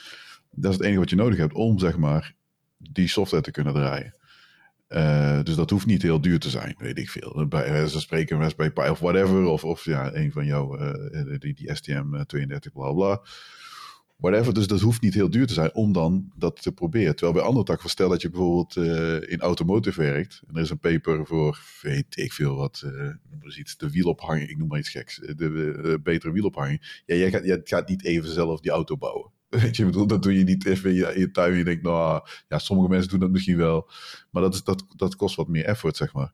Dus dat is met softwareontwikkeling is dat misschien anders. En misschien, uh, uh, dus het is misschien niet heel erg gek dat in de academische wereld dat daar niet ook zeg maar, over nagedacht wordt. Oké, hoe, hoe zorg je nou dat, dat wat jij daar hebt beschreven, het ding wat, je, wat dat gaat doen, dat, dat je dat ook makkelijk uh, deelt met de rest en dat dat dan gaat werken, zeg maar. Een werkend iets, uh, running code is. Dus dat is misschien, ja, niet, ja ik weet het niet, hè, bedoel, het, is, het is een idee. Dus het is, natuurlijk is het tof en dat is misschien redelijk uniek aan softwareontwikkeling. Je kunt het heel met een, een, iets meer effort. Dus ja, jij zegt bijvoorbeeld een half jaar en uh, uh, eraan spenderen zodat het dan in OpenCV terechtkomt en dat dan vanuit daar meer tractie komt richting je paper. Of uh, ja, ja. dat, dat, dat, dat zijn wel dingetjes die met softwareontwikkeling is misschien uniek daaraan. Mm -hmm. Ja. Dus ja, daar, ik zie de waarde er wel van in, maar ja, ja. Ja, ja het, is, uh, het, het, is, het is ook wel een beetje een lastig onderwerp. En het, het, het zijn ook gewoon heel, zoveel dingen wat er gewoon mee te maken heeft. Uh, nou, je weet je van, je hebt ook gewoon in robotica die Robotic Operating System en zo, waar je dan ook bijvoorbeeld ook gewoon kan gebruiken om die Roborock uh, te kunnen laten. Van, daar hebben ze bijvoorbeeld ook een, volgens mij een ROS package van. Ehm, maar daar, dat maakt het al heel een stuk makkelijker in de robotica om, om weet je, gewoon dingen met elkaar te delen. En dat je daadwerkelijk gewoon ook gewoon een hele principe van open science of open source science of wat, wat voor namen aan willen. Dat je op elkaars werk echt goed kan bouwen. Um, dus dat, dat, dat moet gewoon eigenlijk wel een beetje een stuk beter. Maar ik denk van dat zolang universiteiten te veel de, de focus leggen op het produceren van, van de paperkant. ja. Um, ja, dan blijft het helaas een beetje zo. Al dat ik wel, ik heb wel echt wel een interessant uh, ding gezien uh, over de Universiteit van Utrecht. Uh, ik weet niet of dat. Dat was in Nature, dus een van die wat grotere science journals.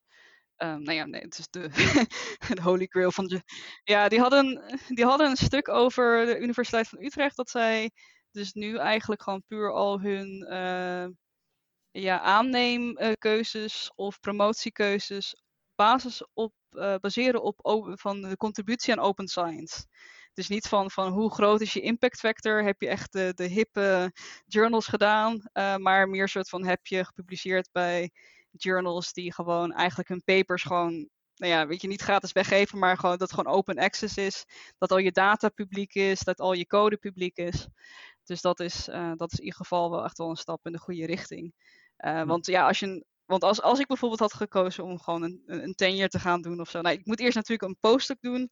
En dan kan ik eventueel assistant professor worden om tenure te doen. Dan, ja, die laatste, van die beslissing om mij dan die tenure te laten halen. Dat, dat, dat is wel, daar zit wel een hele grote um, nadruk op. Van oké, hoeveel heb je gepubliceerd? Hoeveel geld heb je binnengehaald? Maar niet per se op, hey, hoeveel open source uh, repositories heb jij aange PR, weet je, gewoon eh, gepusht. Dus ja, ja. weet je, dat is, uh, dat is gewoon echt het totaal. Dus het, het, is wel, het is wel echt wel een goede, een goede stap in de richting, al dat ze wel echt wel focussen op open science en niet per se op. Ja, nou ja, weet je, Universiteit van Utrecht, ik weet niet echt of ze heel veel technische studies daar hebben, maar ja, van het, of, of ze heel veel, code, eh, heel, veel code dat überhaupt kan gecontribute worden aan repositories, maar wel, wel een stap in de goede richting. Dat ja, ja, minder precies. focus op papercount, iets meer op van oké. Okay. Ja. ja, ik zit ook een beetje terug te kijken, zeg maar, van ja, niet, ja, niet helemaal het ontstaan van, van het internet. oh, dit is echt te ver terug, want dat, dat is natuurlijk vanuit uh, Pentagon, zeg maar. Dus ooit is dat, hoe heet dat, ARPANET ontstaan. Maar dat, dat heel redelijk snel daarna is, zeg maar, het gebruikt juist omdat universiteiten dingen konden uitwisselen met elkaar. Dus dat is ja, in den beginnen. Uh, dus dat je dan, uh, weet ik veel, in een universiteit, weet ik veel, Harvard of zo, of, uh, nou goed, of MIT, zeg maar. Dus dat die dan dingen hadden, zeg maar, documenten of, of, of zelfs code, zeg maar. En dat ze dat makkelijk konden, beschikbaar konden stellen aan een universiteit, bij wijze van spreken, in, in ja, in Nederland, dus TU Delft. En dat je daar op die manier heel snel dingen kon uitwisselen. Daar werd toen internet voor gebruikt. Uh, ja, dat wil nog niet meteen zeggen dat dat meteen open science was, maar dat, dat had een heel open karakter, zeg maar. Uh, dus ik weet niet wat. Uh, ja, dat, heeft, dat, dat publiceren, ja, dat weet jij natuurlijk veel beter dan ik. Dus daar hoef ik helemaal niet, dat kan ik wel over wijsneuzen, maar dat, dat, dat, dat is nu eenmaal zo, zeg maar. Dus dat, dat publiceren van papers is belangrijk. Maar tegelijkertijd is het wel, zeg maar, de, de, zeg maar, de, de, de werk, ja, wereld of zo is misschien een groot woord. Dus van iedereen die in de, de, academische wereld werkt, is dan, was dan open. Dus je wilde zo snel mogelijk dingen met elkaar uitwisselen, want je hielp elkaar op die manier. Uh, dus dat is op zich wel positief. Maar dit is nog een stapje verder, wat ook wel begrijpelijk is, is dat je zeg maar, zorgt dat, dat je eigenlijk ja, het recept geeft, zeg maar, aan iemand. En ook zodat hij meteen het kan gaan koken, zeg maar. Zonder dat je dan, ja, die peper is één stap. Maar je wil ook weten van, hey, smaakt het... Ja, je wil heel snel weten of het lekker smaakt, zeg maar. Zo moet ik het zeggen. Precies. En dat zou wel, ja, als dat op een open manier kan. Mm -hmm.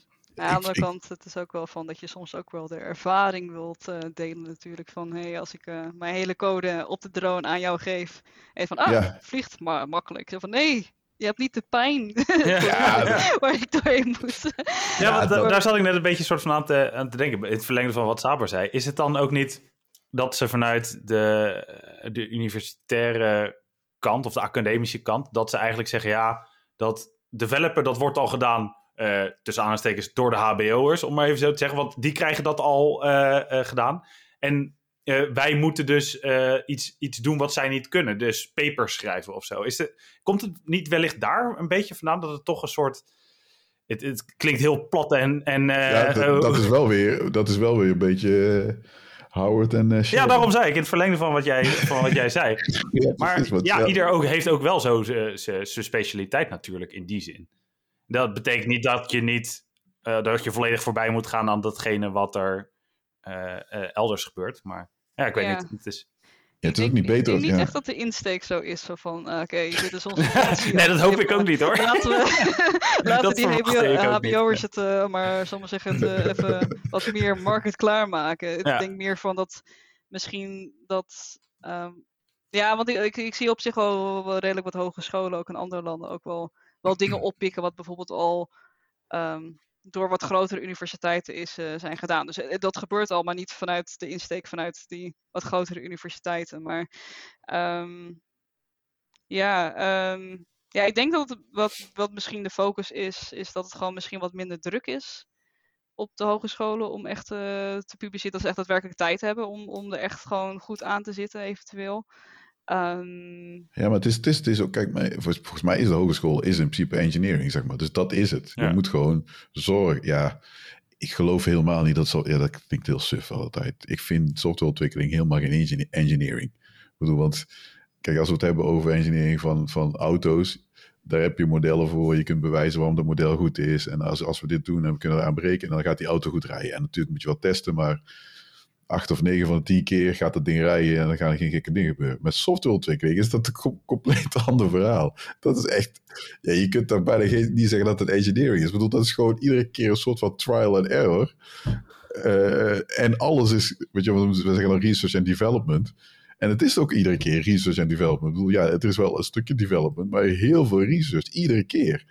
En dat is echt, ja, dat is, ik, het is in mijn ogen bijna geen engineering te noemen. Terwijl dat wel in, in andere vakken een beetje die, dus die Howard en uh, Sheldon uh, vergelijken, zeg maar. Dus het academisch wel een mooi model. En iemand moet er dan de tools zorgen dat die goed gaan werken. En die moet er iets van maken wat gaat werken. Ja, dat is, dat is engineering. Dat is in principe wel wat dat vak is. En uh, ik geloof best wel dat dat op sommige plekken in elkaar over moet lopen. Ik bedoel, dat is ook niet voor niks dat er op HBO's ook vakken zijn die wat meer ja, theoretisch zijn. En dan tussen aanhalingstekens academischer zijn. En dan zullen er ook vakken zeg maar, op universiteit zijn die misschien wat meer richting de, ja, gewoon de, de HBO-achtige uh, zaken zijn. Dus daar zal er zeker over overlap zijn.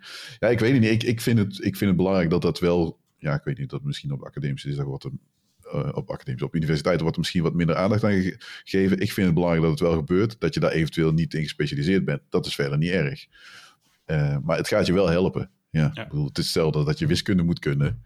Ja, denk ik dat je dit ook een beetje in de vingers moet hebben. Om, ja, klopt. Uh, ja. Als, als ja, ik denk ook wel niet eens per se vanuit de, de HBO-universiteit. Uh, maar ik denk ook gewoon buur in de universiteit. Of robotica-wereld zelf. Dan heb je ook gewoon een goede splitsing tussen de mensen die eigenlijk alleen maar dingen doen in simulatie. En de mensen die echt daadwerkelijk dingen doen op een echte, op een echt platform. En daarin heb je ook nog weer de distinctie over mensen die dan daadwerkelijk het op grote drones doen. Of op, op auto's of grotere drones. Of op kleine drones zoals dit. Want in principe kon ik gewoon eigenlijk iets bedenken in de ochtend en daadwerkelijk vliegen in de middag. Weet je, het is bijna, bijna software development, weet je. Maar het is wel zo van, omdat, omdat het risico veel minder groot is op grotere drones. En vooral als je buiten vliegt, dan moet je van, oké, nou ja, ik heb, ik heb dit ding. Nou ja, oké, laten we eerst even dat echt goed testen in simulatie eerst. Laten we dat ook goed testen in een gecontroleerde lab-omgeving. Laten we eerst even de certificaten daarvoor regelen. Dan, kunnen, dan kunnen we buiten, er buiten mee vliegen.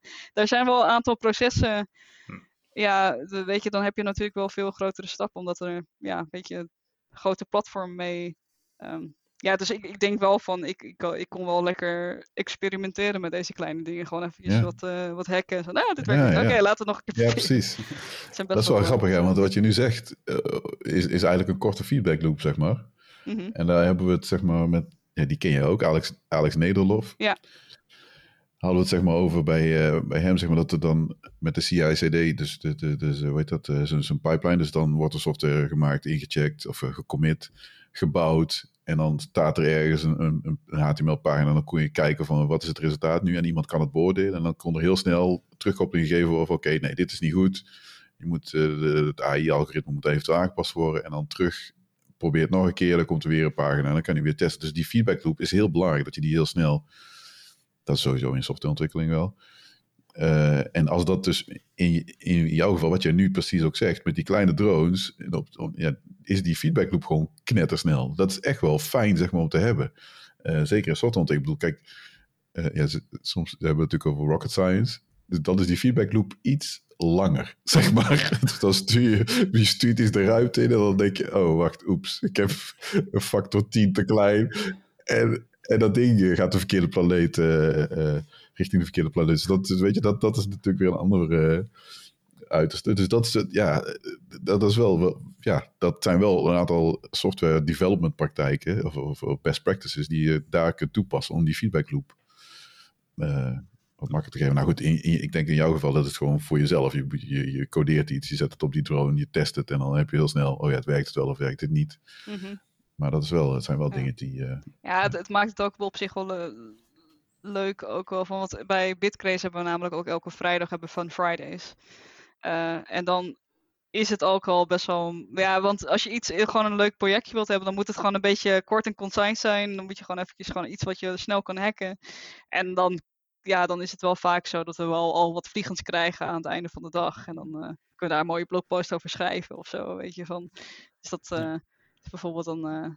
Um, ja, ik denk dat, eh, dat iemand dan bijvoorbeeld een soort van een, een, pen erop uh, had of, of zo'n zo'n zo'n uh, zo'n marker en dat hij dan even een, een tekening had getekend met de Crazy Fly aan het einde van de dag. Dus ja, dan kun je gewoon leuke dingen zoals dat doen. En ja, voor mijn onderzoek was het ook bijvoorbeeld van met het wallfollow. Um, ja, dan moest ik overkijken van, oké, werkt dit? nee, oké, okay, even aanpassen. Ah, even een simulatie kijken. Oké, vliegt het? Oké, okay, nee, even. Weet je, van, omdat het natuurlijk de risico is van, om, omdat dat ding gewoon überhaupt iets stuk maakt, of jezelf stuk maakt, is gewoon zoveel malen kleiner ook. Dus het is, uh, ja, weet je, dat, dat, dat, maakt het wel leuk. ja, zeker, ja. Uh, ja, het einde, richting het einde. We hebben de vaste rubrieken, we hebben de developer dilemma's. Uh, Dave Kiezen heeft een aantal neergeschreven. Heb jij er nog één bijgezet of niet, uh, Johnny? Nee hoor, ik had er alleen eentje schuin gedrukt. Oké. Okay. Uh, eh, ja, het zijn dingen, dat is voor jou, uh, Kimberly. Je moet daar twee dingen kiezen. Het zijn mhm. dilemma's. Soms spelen we vals, maar dit keer zijn het volgens mij allemaal wel dilemma's. Eh, de eerste uh, is nooit meer koffie drinken of nooit meer je favoriete editor gebruiken. Hmm. Oeh. Ik weet niet welke editor je gebruikt nu. Ja, in Visual Code. oh, echt? Het is echt Ik gebruikte Code. Eclipse eerst. Uh, nee. Vond ik ook wel... Ja? ik vond nu op zich wel chill, maar Visual Code ben ik wel redelijk uh, ja. verkocht over. um, ja... Ja, eh, weet je, van, nou weet je, mijn vriend die zou sowieso koffie kiezen, want die is yeah. koffiegek. Yeah. ik zou zeggen misschien editor, uh, wil ik wel Ja, precies. Maar je drink, drink, je wel koffie? Dat is natuurlijk volgens mij de eerste vraag. Want het, ik, ik drink wel koffie, maar... Maar uh, niet zo... Uh, niet zo ja, weet je, van als ik voor, voor de rest van mijn leven thee moet drinken, ja, ach, weet je, vooruit. Ja. Ik heb nee, maar ja, het is, ja. Wel, het is wel fijn om die vrijheid te hebben. En ik, vooral omdat ik ook wel belangrijk is de editor tools ook om bijvoorbeeld uh, on-chip te debuggen is ook wel erg belangrijk. Nou ja, mm -hmm. ik, ja van, uh, dat hebben we ook gewoon inmiddels zo van op Visual Studio ook wel. Uh, of Visual Code, sorry, Visual Studios. Co ja, nou, het is ja, Visual Studio Visual Code. Code. Die heeft daar wel goede, ja, goede tools mee. Hoe, ja. of, hoe je dan op, op die STM's dan gewoon eigenlijk gewoon een breakpointje en dingetje. Ja, ik, ik, okay. ja, ik, ben, ik ben verkocht. Vet, ja, ja, ja. Nee, ik snap het. Ja, nee, koffie drinken, wat was het nou? Uh, dat was volgens mij in onze Slack hadden we het daarover ja. gehad. Wat was het nou? Ja, dat koffie drinken, dat was volgens mij een... Wie had er... Ja, dan iemand had erover geschreven. Wat, oh ja, was bij Joe Rogan. Daar zo kwam ik erop. Nou weet ja. ik het weer. Dat was in een van de gasten bij Joe Rogan. Er was één snippet. Het was een kort uh, 10 of 15 minuten, weet ik veel. Het ging erover, zeg maar, waarom uh, bepaalde samenlevingen zich redelijk snel hebben ontwikkeld. Uh, en dat dat dan gekomen is door koffie drinken. En uh, toen dacht ik, oké, waar gaat hij hier nu heen? Want ik denk, hoezo? Want hij, het ging eerst over verslaving en uh, hij was gestopt met koffie drinken. En drie maanden lang, hij kreeg allerlei afkikverschijnselen. Maar hij merkte wel, ja, dat, ja goed, dat ging zich anders gedragen, ging beter slapen. Een aantal dingen gingen beter.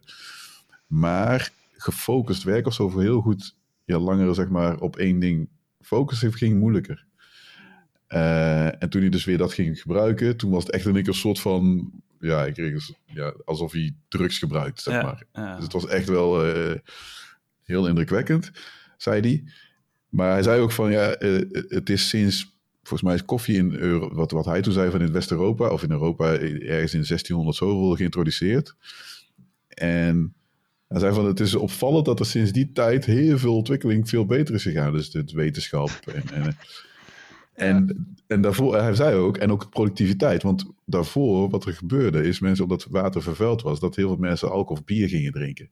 Dus die kon beter bier drinken dan water, omdat daar waarschijnlijk ja, wat minder bacteriën in zaten. Ja. En dat werkte niet per se heel uh, bevorderend voor de productie, productiviteit.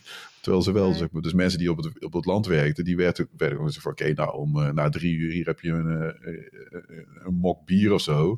En er was één, ja, je moest vochten drinken en er zat ook wat, wat, wat suikers in, dus daar kreeg je wat energie van. Maar ja, als je heel veel gaat drinken, ja, dan, dan komt er niet veel van terecht. Ik heb wel gehoord eh, dat uh, volgens mij bier in, van die tijd wel echt wel een vrij lage alcoholpercentage Alcoholpercentage. Een beetje festivalbier of zoiets. Ja, precies. Ja, maar goed, ja. Dat, is dat, dat is dan... Ja, kijk, ik weet, ik weet niet of dat dan helemaal waar is geweest, maar ik, ik neem aan van wel. Dat was wel een serieus uh, onderzoek, zeg maar. Of onder, ja.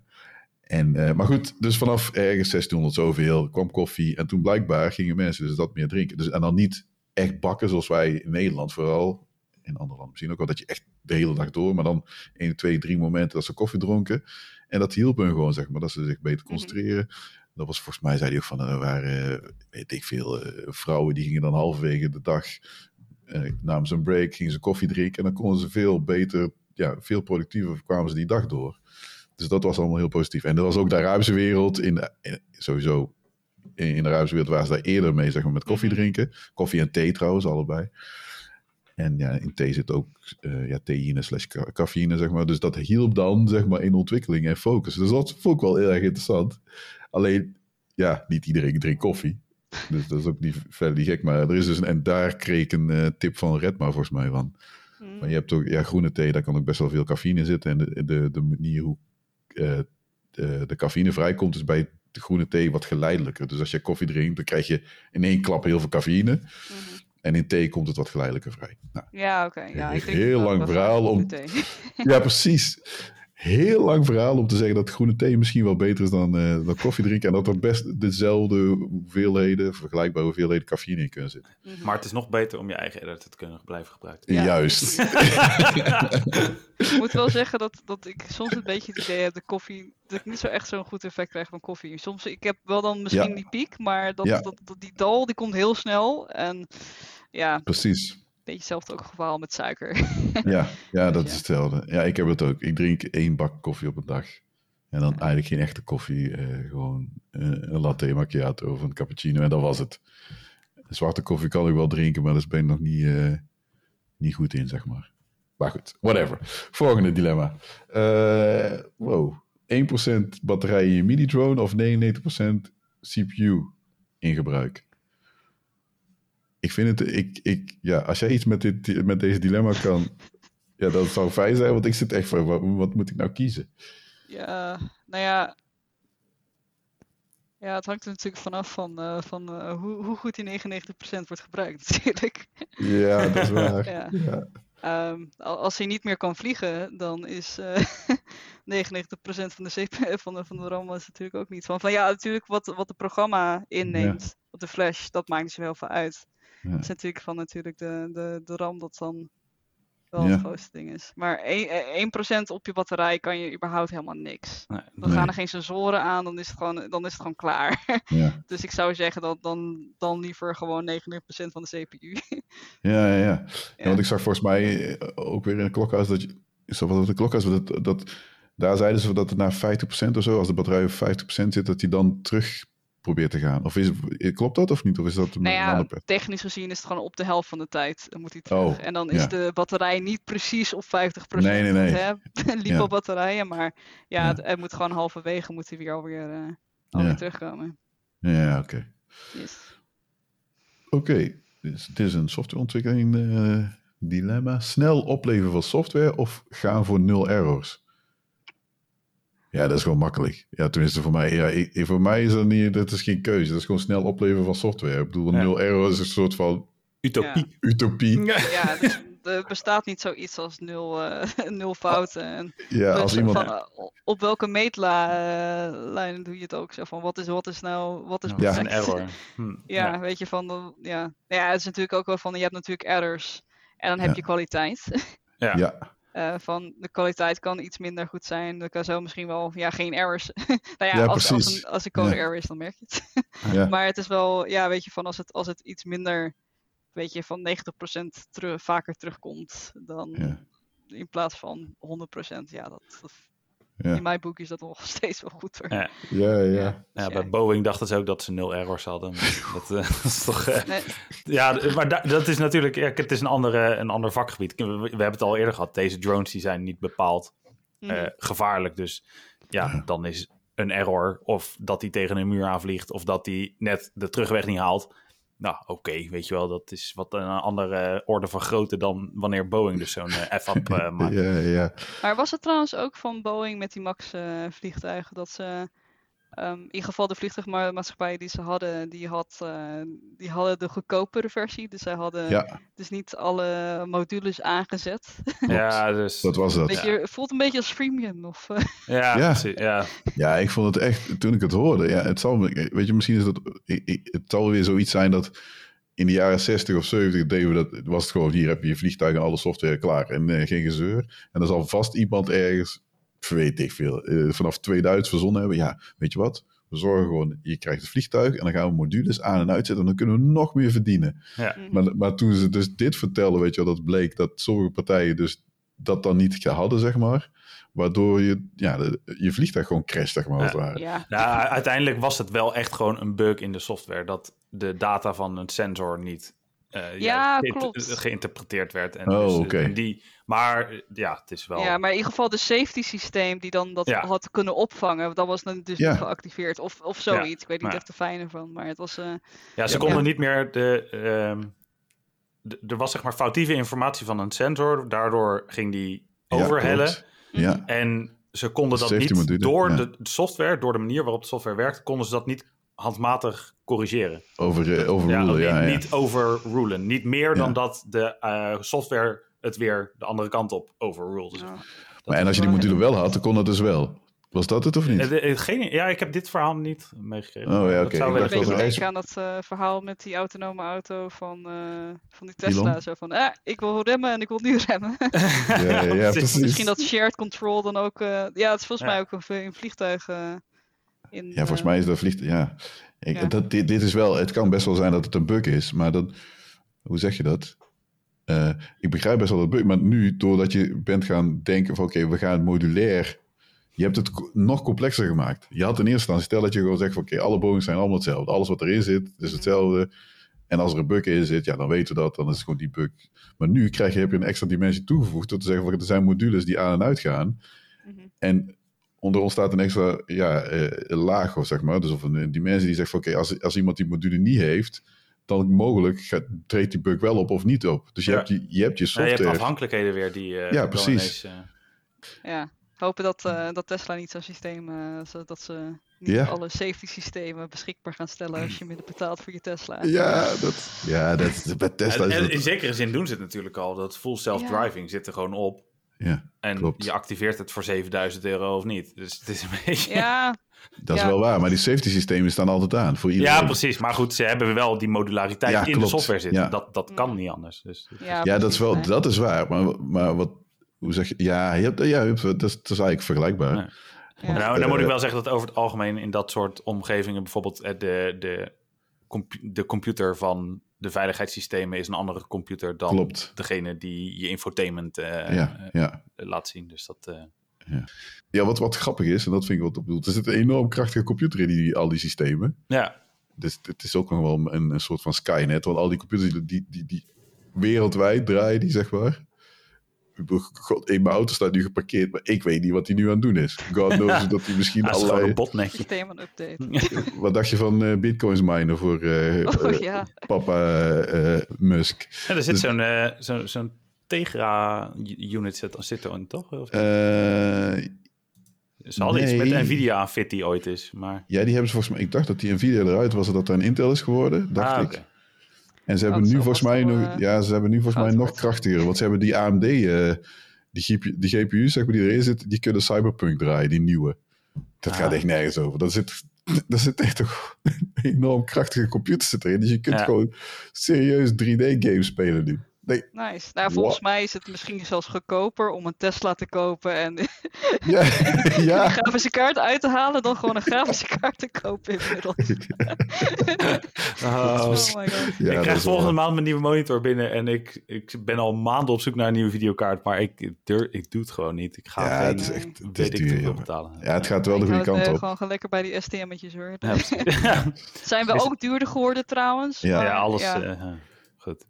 Ja, nee, die miners, die miners zijn in dat, dat, dat, dat is dan weer positief. Die miners zijn, uh, dat China heeft gewoon gezegd, heel leuk, jullie ja, stoppen, stop, stop ja. met mijnen. Ja maar, ja, maar nee, stop met mijnen. En zij zijn gewoon niet flauw, dus iedereen is gestopt met mijnen. Dus al, die, al die GPU's die komen daar op de tweedehands markt. Helemaal top. En dus er is dus minder vanuit hun, dus ja, minder vraag vanuit China. Dus dat helpt dus was hopelijk. Ja, dat, ik zie oh, nu nog niet effecten dat ze de prijzen van de GPU's, GPU, GPU's mm -hmm. die gaan, uh, als het goed is, de goede kant op. Ik heb geluk gehad. Ik heb eind van het jaar, heb ik, eind vorig jaar heb ik uh, mijn... Oh, uh, dat is wel goed inderdaad. Uh, ja, ja, dus die voorbij, die kan gewoon nog netjes minen. Dus die, dat is trouwens grappig. Hè? Ik heb een 3060 Ti van Nvidia. De opvolger, de, of de niet opvolger, de 3060 zonder Ti, die is wat langzamer. Die is veel duurder dan de, de, bij 3060 Ti die ik gekocht heb. Die kan ook niet zo goed minen, want die hebben ze ja, gecrippeld, zeg maar, in goed Nederlands. En de 3060 Ti, die was niet meer te koop. En inmiddels zijn degenen die nu gaan komen, die, kunnen, die zijn ook weer crippled. Dus ik heb echt gewoon zo'n zo GPU die eigenlijk gewoon ja, veel meer waard is. Maar ja, die ga ik niet wegdoen, want degene die ik moet kopen, die zijn ook weer duur. Dus, dus, ja, dat lijkt me ook inderdaad, ja. Het is een beetje... Ja, ik, ik, ja, ik ben zo... ik, ik mine zelf niet. Nee. maar ik ben inmiddels wel uh, begonnen met... Uh, ja, om, om Unity te leren. Van, oh ja, vet ja. En ja, weet je, een, een goede grafische kaart is wel een beetje handig. Ja, ja, ja. ja. en ook uh, soms dingen met Blender en dan dingen renderen met een goede grafische kaart is wel Ja, klopt. Ja. nou ja, maar voor nu is het wat ik heb, is, is, is, ja, is prima. Ik zou gewoon, ja, sowieso, ja, minimaal, ik denk minimaal een half jaar. Ik denk ergens volgend jaar dat het dan een beetje hopelijk weer losloopt. Ja, ja. En dat die prijs een beetje fatsoenlijk wordt. Want het gaat, het gaat echt nergens over. Joh. Anders wordt het gewoon gamen in je Tesla. Ja, precies. Ja, ja, ja. dat is wel grappig, ja. Uh, we hebben nog één dilemma. Uh, vasthouden aan oude code of nieuwe code schrijven? Ja, ik kan daar een mooie parallel aan. nou ja, van, ik was dus dan eerst met die, met die nou ja, oké, misschien niet code, maar voor mij is code en hardware. Van, ik had eerst een drone waar we mee begonnen. En dat was eigenlijk gewoon eigenlijk een soort van prototype op prototype. Uh, allemaal in gemaakt. Ook de code was ook wel vrij untested, zal maar zeggen.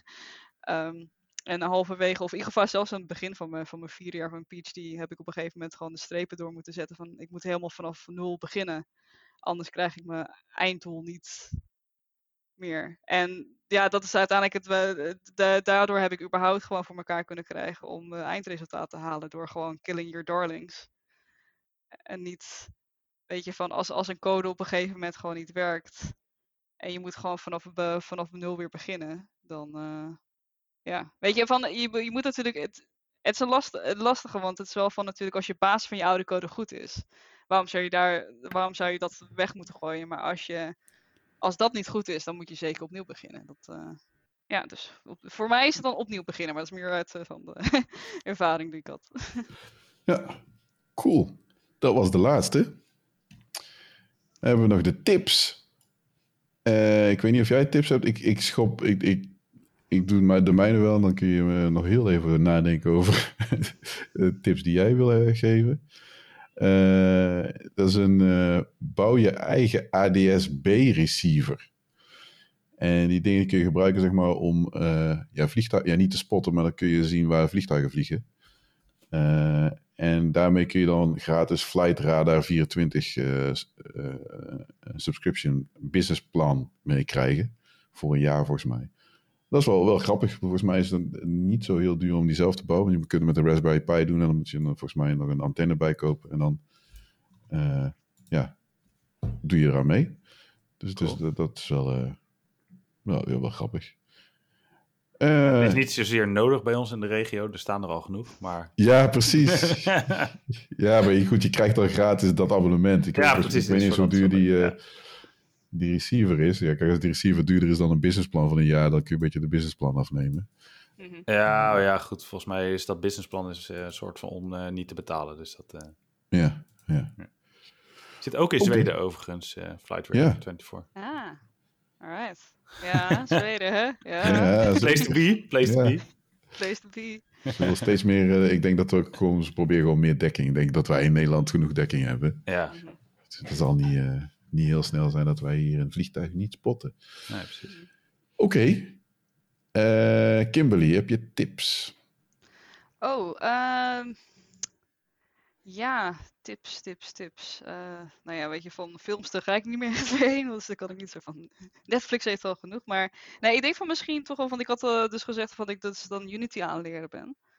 Um, en volgens mij hebben ze al sinds een jaar of zo dat, dat Unity Learn heeft dus uh, als een soort van tutorials of zo'n hele pathway om zo'n junior programmer te worden in C-Sharp.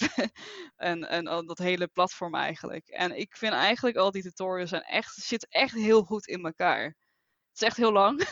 je kan er echt maanden mee bezig zijn. Maar je krijgt het wel allemaal voor gratis. En gezien hè, corona leeft weer lekker even op. Hè? dus uh, als, als je nog een, een, een, een projectje doet en je hebt een videokaart over wat je net niet gebruikt voor het minen. Dan, ja, dan, dan zou ik eigenlijk wel uh, dat, dat uh, suggereren. Ik vind het eigenlijk best wel leuk. ja, cool. Ja, dat, ja, geloof ik wel. Ja. ja, we hebben eerder een gast gehad. Uh, oh man, ik, ik ben nu slecht. Ik ben slecht in naam. Ik vind het ook echt slecht dat ik die naam niet even niet op kan hoesten. Maar die, die, daar hebben we het over VR-brillen en, en, en programmeren van daarvan. En zij was ook echt super enthousiast over Unity. Mm -hmm. Eh, en later hebben we nog iemand eh, die ons tipte. Toen ging het over gaming, ja, dat klopt. Die zei ook van ja, nou, Unity is echt wel, wel tof. En dat programmeer je trouwens in C-Sharp. Die taal die heb je eerder... Uh... Ja, C-Sharp inderdaad. Ja, het is... vind ik eigenlijk wel fijne, een fijne taal. Van als je gewoon niet, want ik begon natuurlijk met, ja, weet je, van dat Maple en MATLAB en zo. Maar van, ja, als ik gewoon had begonnen in C-sharp, dan krijg je gewoon alle gewoon goede basisdingen gewoon al, wat met programmeren te maken heeft, krijg je al gewoon in één. En het is ook wat meer forgiving dan C++ en weet je. Ja, ik vind het eigenlijk best wel goed van als je gewoon wilt beginnen met programmeren, zou ik echt van, nou, begin met C-sharp dan. Ja, ja. ja, ja, dat, is dat, dat, dat, zeg maar, ja, tegenwoordig is het Python is een beetje een soort van iedereen ja. Python, maar het is wel anders hoor.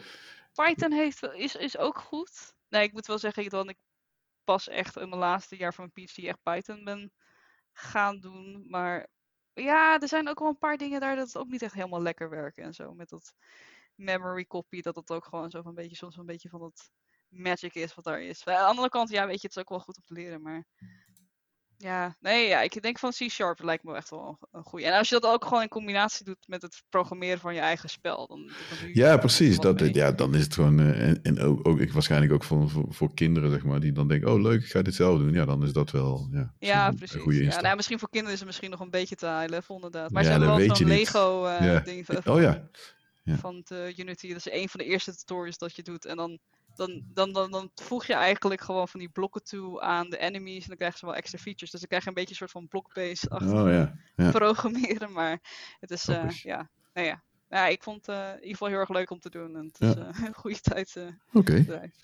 Johnny. Yes. Uh, ja, ik moest even snel uh, in die 35 minuten voor de opname moest ik even wat verzinnen.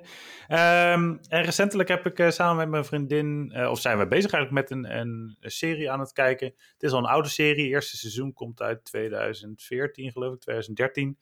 het is een BBC of een ITV Britse serie. Het heet Broadchurch. Uh, het is al meerdere keren uitgezonden. Het zijn slechts drie seizoenen, totaal 24 afleveringen. Uh, het is recentelijk volgens mij op BBC First uh, is dat dan uitgezonden. dat kijken we nu en het is een, ja, een soort detective misdaaddrama. Dus je moet ervan houden. Het is wel echt op zijn Engels gemaakt. Dus het is ja, het is, uh, ik hou er zelf heel erg van, van de manier waarop uh, Britse series gemaakt worden. Zeker die Britse detectives. Uh, en het, gaat, het verhaal gaat er eigenlijk over dat er een, een klein stadje is, Broadchurch, aan een enorme grote klif. En op een dag wordt daar het lichaam van een, een jongetje gevonden. En ja, dat blijkt dan dus een, een heel verhaal achter te zitten. En iedereen in het stadje uh, heeft wat te vertellen. Dus dat, uh, dat maakt het op die manier uh, erg interessant. Er zijn twee detectives die daar, ja, die daar mee, mee, te maken hebben. En je volgt eigenlijk het verhaal wat, zij, wat ze daar doen. het is dus al een wat oudere serie, maar ja, dat daarmee niet minder leuk. Dus ik geniet er erg van en de rest van de wereld ook, aangezien het een 8,4 krijgt van IMDb. Dus okay. dat zal iets, iets zeggen. Ja, dat is zeker acceptabel. alles boven acht is goed. ja, ja, ja, zeker. Ja, nou, ik denk van ook in deze tijd nu alles een beetje. Ja, dat dingen, dingen wat goed zijn of uh, series dat goed zijn, dat opnieuw te bekijken. Dat is eh, zeker, zeker geen zonde. Nu uh, content misschien iets, iets lager is. En, ja, precies. Ja. Het is wel vet, ja. ja dat, die Engelsen, dat, dat is echt waar. Die hebben echt hun, echt hun eigen, eigen stijl, zeg maar, qua detectives. Ja, ja maar je hebt ook nog, nog Nordic Noir. ja. Ja, die schijnen ook wel best wel dark te zijn. Ook wel van, ja, The Bridge is dan... Uh, precies. Ja, dus echt tussen Kopenhagen en Malmö. En Malmö is waar ik woon. dus die brug... Uh, altijd lijken op, altijd. ja, ja, precies. Daarom is het duur. ja. ja. Nee, maar ja, van, volgens mij dan is het... Ja, Zweeds noir is nog wel vrij... Um, nou ja, het is wel vrij dark inderdaad. Maar volgens mij Fins noir is nog erger. En dan IJsla IJslanding Noir is nog uh, Oh, echt? Dus ik weet niet zo van. Uh, ja, ik vond de bridge, ik ben nog niet heel ver. Ik was, ik denk een half jaar geleden of zo even begonnen. Ik weet niet waarom ik gestopt ben. Het, het, is, het is wat langzamer, dus dat is op zich hoeft dat mm -hmm. niet per se. Maar ik vond op zich, de humor die erin zat, vond ik op zich wel. Dus het, ja, je, je weet, ik, ik zit pas op aflevering 4, dus je merkt van oké, okay, daar gaat iets komen. Dus het zit nog steeds een beetje ja, een soort van, uh, hoe zeg ik, de achtergrond. Dus, ja, de opbouw. En je merkt dat die sfeer een beetje gespannen is. En er, gaat iets mhm. gebeuren. Dus dat, maar die humor en, en dat, ja, dat vond ik op zich wel, wel grappig. En het is wat, ja, wat rauwer of zo. En dat is met het Engelse ook. Want kijk, die Amerikaanse... CSI-achtige dingen. Ja, kom op, doe dat, dat, is allemaal... Uh, ja, dat weet je. Dat, ja, dat was... Dat was Ik had inderdaad met dat Broadchurch ook. Er was uh, op een gegeven moment echt zo'n zo'n typische scène van... Er, er was spanning tussen een man en een vrouw. Ja. En je weet gewoon, als het een Amerikaanse serie was, dan hadden ze seks gehad. En nu is het een Britse serie en gebeurt het niet. Het is echt Precies, een soort... Ja. ja. ja. Nee, maar je kon er echt een soort van... Het, het, het, gebeurde dus niet. En toen dacht ik, hmm, wedden dat als dit nou een Amerikaanse serie zou zijn? Ja, precies. Ja, ja dat soort... Uh, ja. ja. Ja, de Amerikaanse... wat meer realistisch. ja, maar die zijn ook wel, wel redelijk op, volgens mij zijn die redelijk op een retour gegaan, zeg maar. Want die had dan de CSI, uh, ja, 30 uh, aftakkingen en ja, Law and Order, dat draait, draait nog wel volgens mij echt al. Dat heel mhm. lang, ja, vind ik verder niet zo interessant. Dus op zich ook wel wat rauwer, zeg maar. Of rauwer, wat, wat minder uh, spektakel. En dat je Criminal Minds zeggen. En Criminal Minds, dat vond ik, ik weet niet of jullie die kennen. Dat vond ik op zich leuk. Ja, maar na, na een tijdje dacht je, ja, weet je, dat komt, wat, nu, nu wordt het waarschijnlijk nog erger. En je had echt, en ik, en ik had altijd zoiets van, oké, dit is gewoon een soort van, uh, ja, inspiratie voor, is het bedoeld als inspiratie of is dit gewoon, weet je, want je dacht echt van, oké, hoe wie heeft dit verzonnen? En je zit nu gewoon mensen die denken, hé, hey, misschien kan ik dit ook doen, zeg maar. Uh, nee, niet doen. Ik vond het een beetje, ja, ik vond het niet zo leuk meer om te kijken. Mm. Dus daar ben ik toen afgekijken. Ik, uh, even kijken die heb ik ook niet. Ik, zo, ik kijk dus heel weinig af. Uh, shit, dat die. Hoe heet die, die film, zeg maar, met die man die uh, gemelkorfd is? Oh, Hannibal. Of nee, ja, Hannibal, ja, dat is een serie van. Die Silent of the Lambs? Ja, dat is de film, ja. En die, Hannibal is een serie, toch? Of zo? Dat is, ja, een serie een tijd geleden geweest met iemand die uh, autistisch is, maar toch empathisch vermogen. Dus die, die, ja, ik weet niet hoe die, maar goed, die, die zit erin. En ik vond het echt, de, hoe heet die nou, met uh, die gast van uh, The Matrix ook. Lawrence Fishburne zit erin. Mm -hmm. Dat vond oh, ik... was het ook met Matt Mik Mikkelsen, die Dane? Vol, volgens mij wel. Ja, ja, ja, ja, ja klopt. Ja, ja, ja, precies. Ik vond hem wel goed. Hij was, ja, ik heb dat toen drie, vier afleveringen, toen dacht ik, wow, dit vind ik echt, ik moet eigenlijk, die moet ik echt wel verder afkijken. Ik vond dat echt, ja, wel heel uh, ja, mooi gemaakt, zeg maar. Mm Ook wel, je denkt van, oh shit, dit is echt heel spannend. Uh, zeg maar. Dus dat, dat vond ik op zich wel, uh, ook wel een leuke serie. Maar goed, het, ja. uh, het ging om jouw tip Broadchurch, was het toch? Ja. ja, cool. Ik heb nog één tip. Ik speel nu een beetje vals. Loki van de MCU. Er zijn zes afleveringen via Disney+. Plus. Ik, ik vind het heel leuk ik heb ze allemaal gekeken. Nu af gister, uh, woensdag. Gisteren was dat, dus vandaag uh, is het donderdag. Uh, was de laatste aflevering uitgezonden. ja, als je de, de, de, de Marvel Cinematic Universe volgt en al die films, dan moet je dit kijken. Je moet ook WandaVision kijken en je moet. hoe heet die? Winter Soldier en. Mm -hmm. Vliegende Man. Nou goed, forget, forget it. Die moet je ook kijken. Loki is echt wel, ja, er zit gewoon een ander soort humor in. Het is niet zo, ook het tempo is wat lager, moet ik eerlijk zeggen. Mm -hmm. uh, maar wel, ja, je moet hem kijken. Dat is wel, wel interessant. Ik zit ook de comics te lezen en nu, nu ja, door de laatste, ik, daar ga ik niet vertellen wat er gebeurd is, maar door die laatste aflevering denk ik, oh hey, vet. Want ik zit nu in de comics in het jaar in 1975 of 76. Ik heb een enorme backlog, zeg maar. En al een aantal van die karakters komen nu terug. En je ziet ook hoe ze ont zich ontwikkelen. Dus dat is wel, wel grappig om dan ook te lezen. Ja, ik nou, heb dat, ook uh, de laatste aflevering vandaag gezien. Inderdaad. Ja. of uh, ja, ja die, die kwam gisteren uit inderdaad van ja. Loki. Uh. Ja, en, en ja, ik, ik heb er een beetje moeite mee. Ik vind het, het is logisch, zeg maar, dat die zo gaat. Mm -hmm. En dat is ook omdat ik ook de comics heb gelezen. Tegelijkertijd dacht ik, ja, ik had meer, ik had meer geopend. Het was een beetje een soort van uh, laatste twee, drie afleveringen van Game of Thrones. Dat ik denk, joh, oké. Okay. Ja, je had het zo kunnen doen. ja, het laatste seizoen eigenlijk wel, ja. ja. Je had het zo kunnen doen. Dat had ook leuk, je had het ook leuk kunnen afronden, zeg maar. Ja, maar, maar er komt nog een seizoen aan en waarschijnlijk in de films gaan ze wel weer dingen verklappen. En zo. Ja, waarschijnlijk wel. Van er komt in de films best wel veel. Dan had je eigenlijk die series moeten kijken. Ja, dus dat, ja. Ik moet wel zeggen dat ik het wel een beetje met die Marvel films af. Dat, dat ze daar ook wel een beetje te veel op leunen. Ja. Van, het is ook wel gewoon van. Ze moeten ook niet vergeten dat het ook wel een leuke film moet zijn op ja. zich. ja, klopt. Um, ja, soms lukt ja. dat gewoon wel heel goed hoor. Ik bedoel, kijk, de, gelukkig zijn die, die Avengers films zijn op zichzelf ook heel goed gelukt. Ja, goed, dat, ja, die kun je eigenlijk niet op zichzelf kijken, maar die zijn wel heel goed gelukt. Deadpool, maar dat was natuurlijk niet MCU. Die is inmiddels gaat hij wel, mhm. komt hij de MCU in. De laatste weer een filmpje van gekomen, echt tof. En Deadpool was echt, echt een hele goede film. Ja, en twee. eerste, joh. Ja. Dat is echt... Ja, met een budget wat gewoon volgens mij waarschijnlijk 10% is van iedere MCU-film. Ja. En ja, dat was al een klapper, zeg maar. En dat karakter is gewoon geweldig. Dus dat is ook echt wel. Uh, ja. ja. het was ook wel echt wel gewoon uh, van gemaakt. Ook wel gewoon echt Ryan Reynolds. Uh, ja, echt. dat is gewoon hij. was gewoon Deadpool. ja, precies. ja. Ja, maar even voor jou, even, dat weet iedereen die ja, die films kijkt. Hij is al heel lang geleden, was hij Deadpool. Mm -hmm. Dus in die Wolverine film, zeg maar. ja. Nou, was, was hij al, dat was hij al, dat is echt lang geleden. Dus dat dat zo lang oh. eroverheen is gegaan dat hij die rol heeft gekregen en dat het een succes weer. Ik vind dat echt wel tof. Dus dat ja, maar het is ook wel mooi dat er dan gewoon tijdens die film ook een draken mee Ja, ja. Ja, draken meespeelt is een goede spreekwoord. Ah man, echt. Maar niet uit. Zweeds, Engels, Nederlands, dat, uh, dat ja. Uh, de, maar draak, altijd, ja. de draken meegestoken waarschijnlijk. Ja. Draken meegestoken, inderdaad. en die gast was echt... Uh, ja, nee, dat, dat is waar, want hij is toen ook Green Lantern geweest, volgens mij. Ja. Klopt dat? Ja, Green Lantern toch? Ja. En daar zit hij er helemaal in begin, zie je dan dat hij daar ook gewoon een, grap over maakt. En het is wel echt wel, ja. Don't make the super suit green. Ja, precies.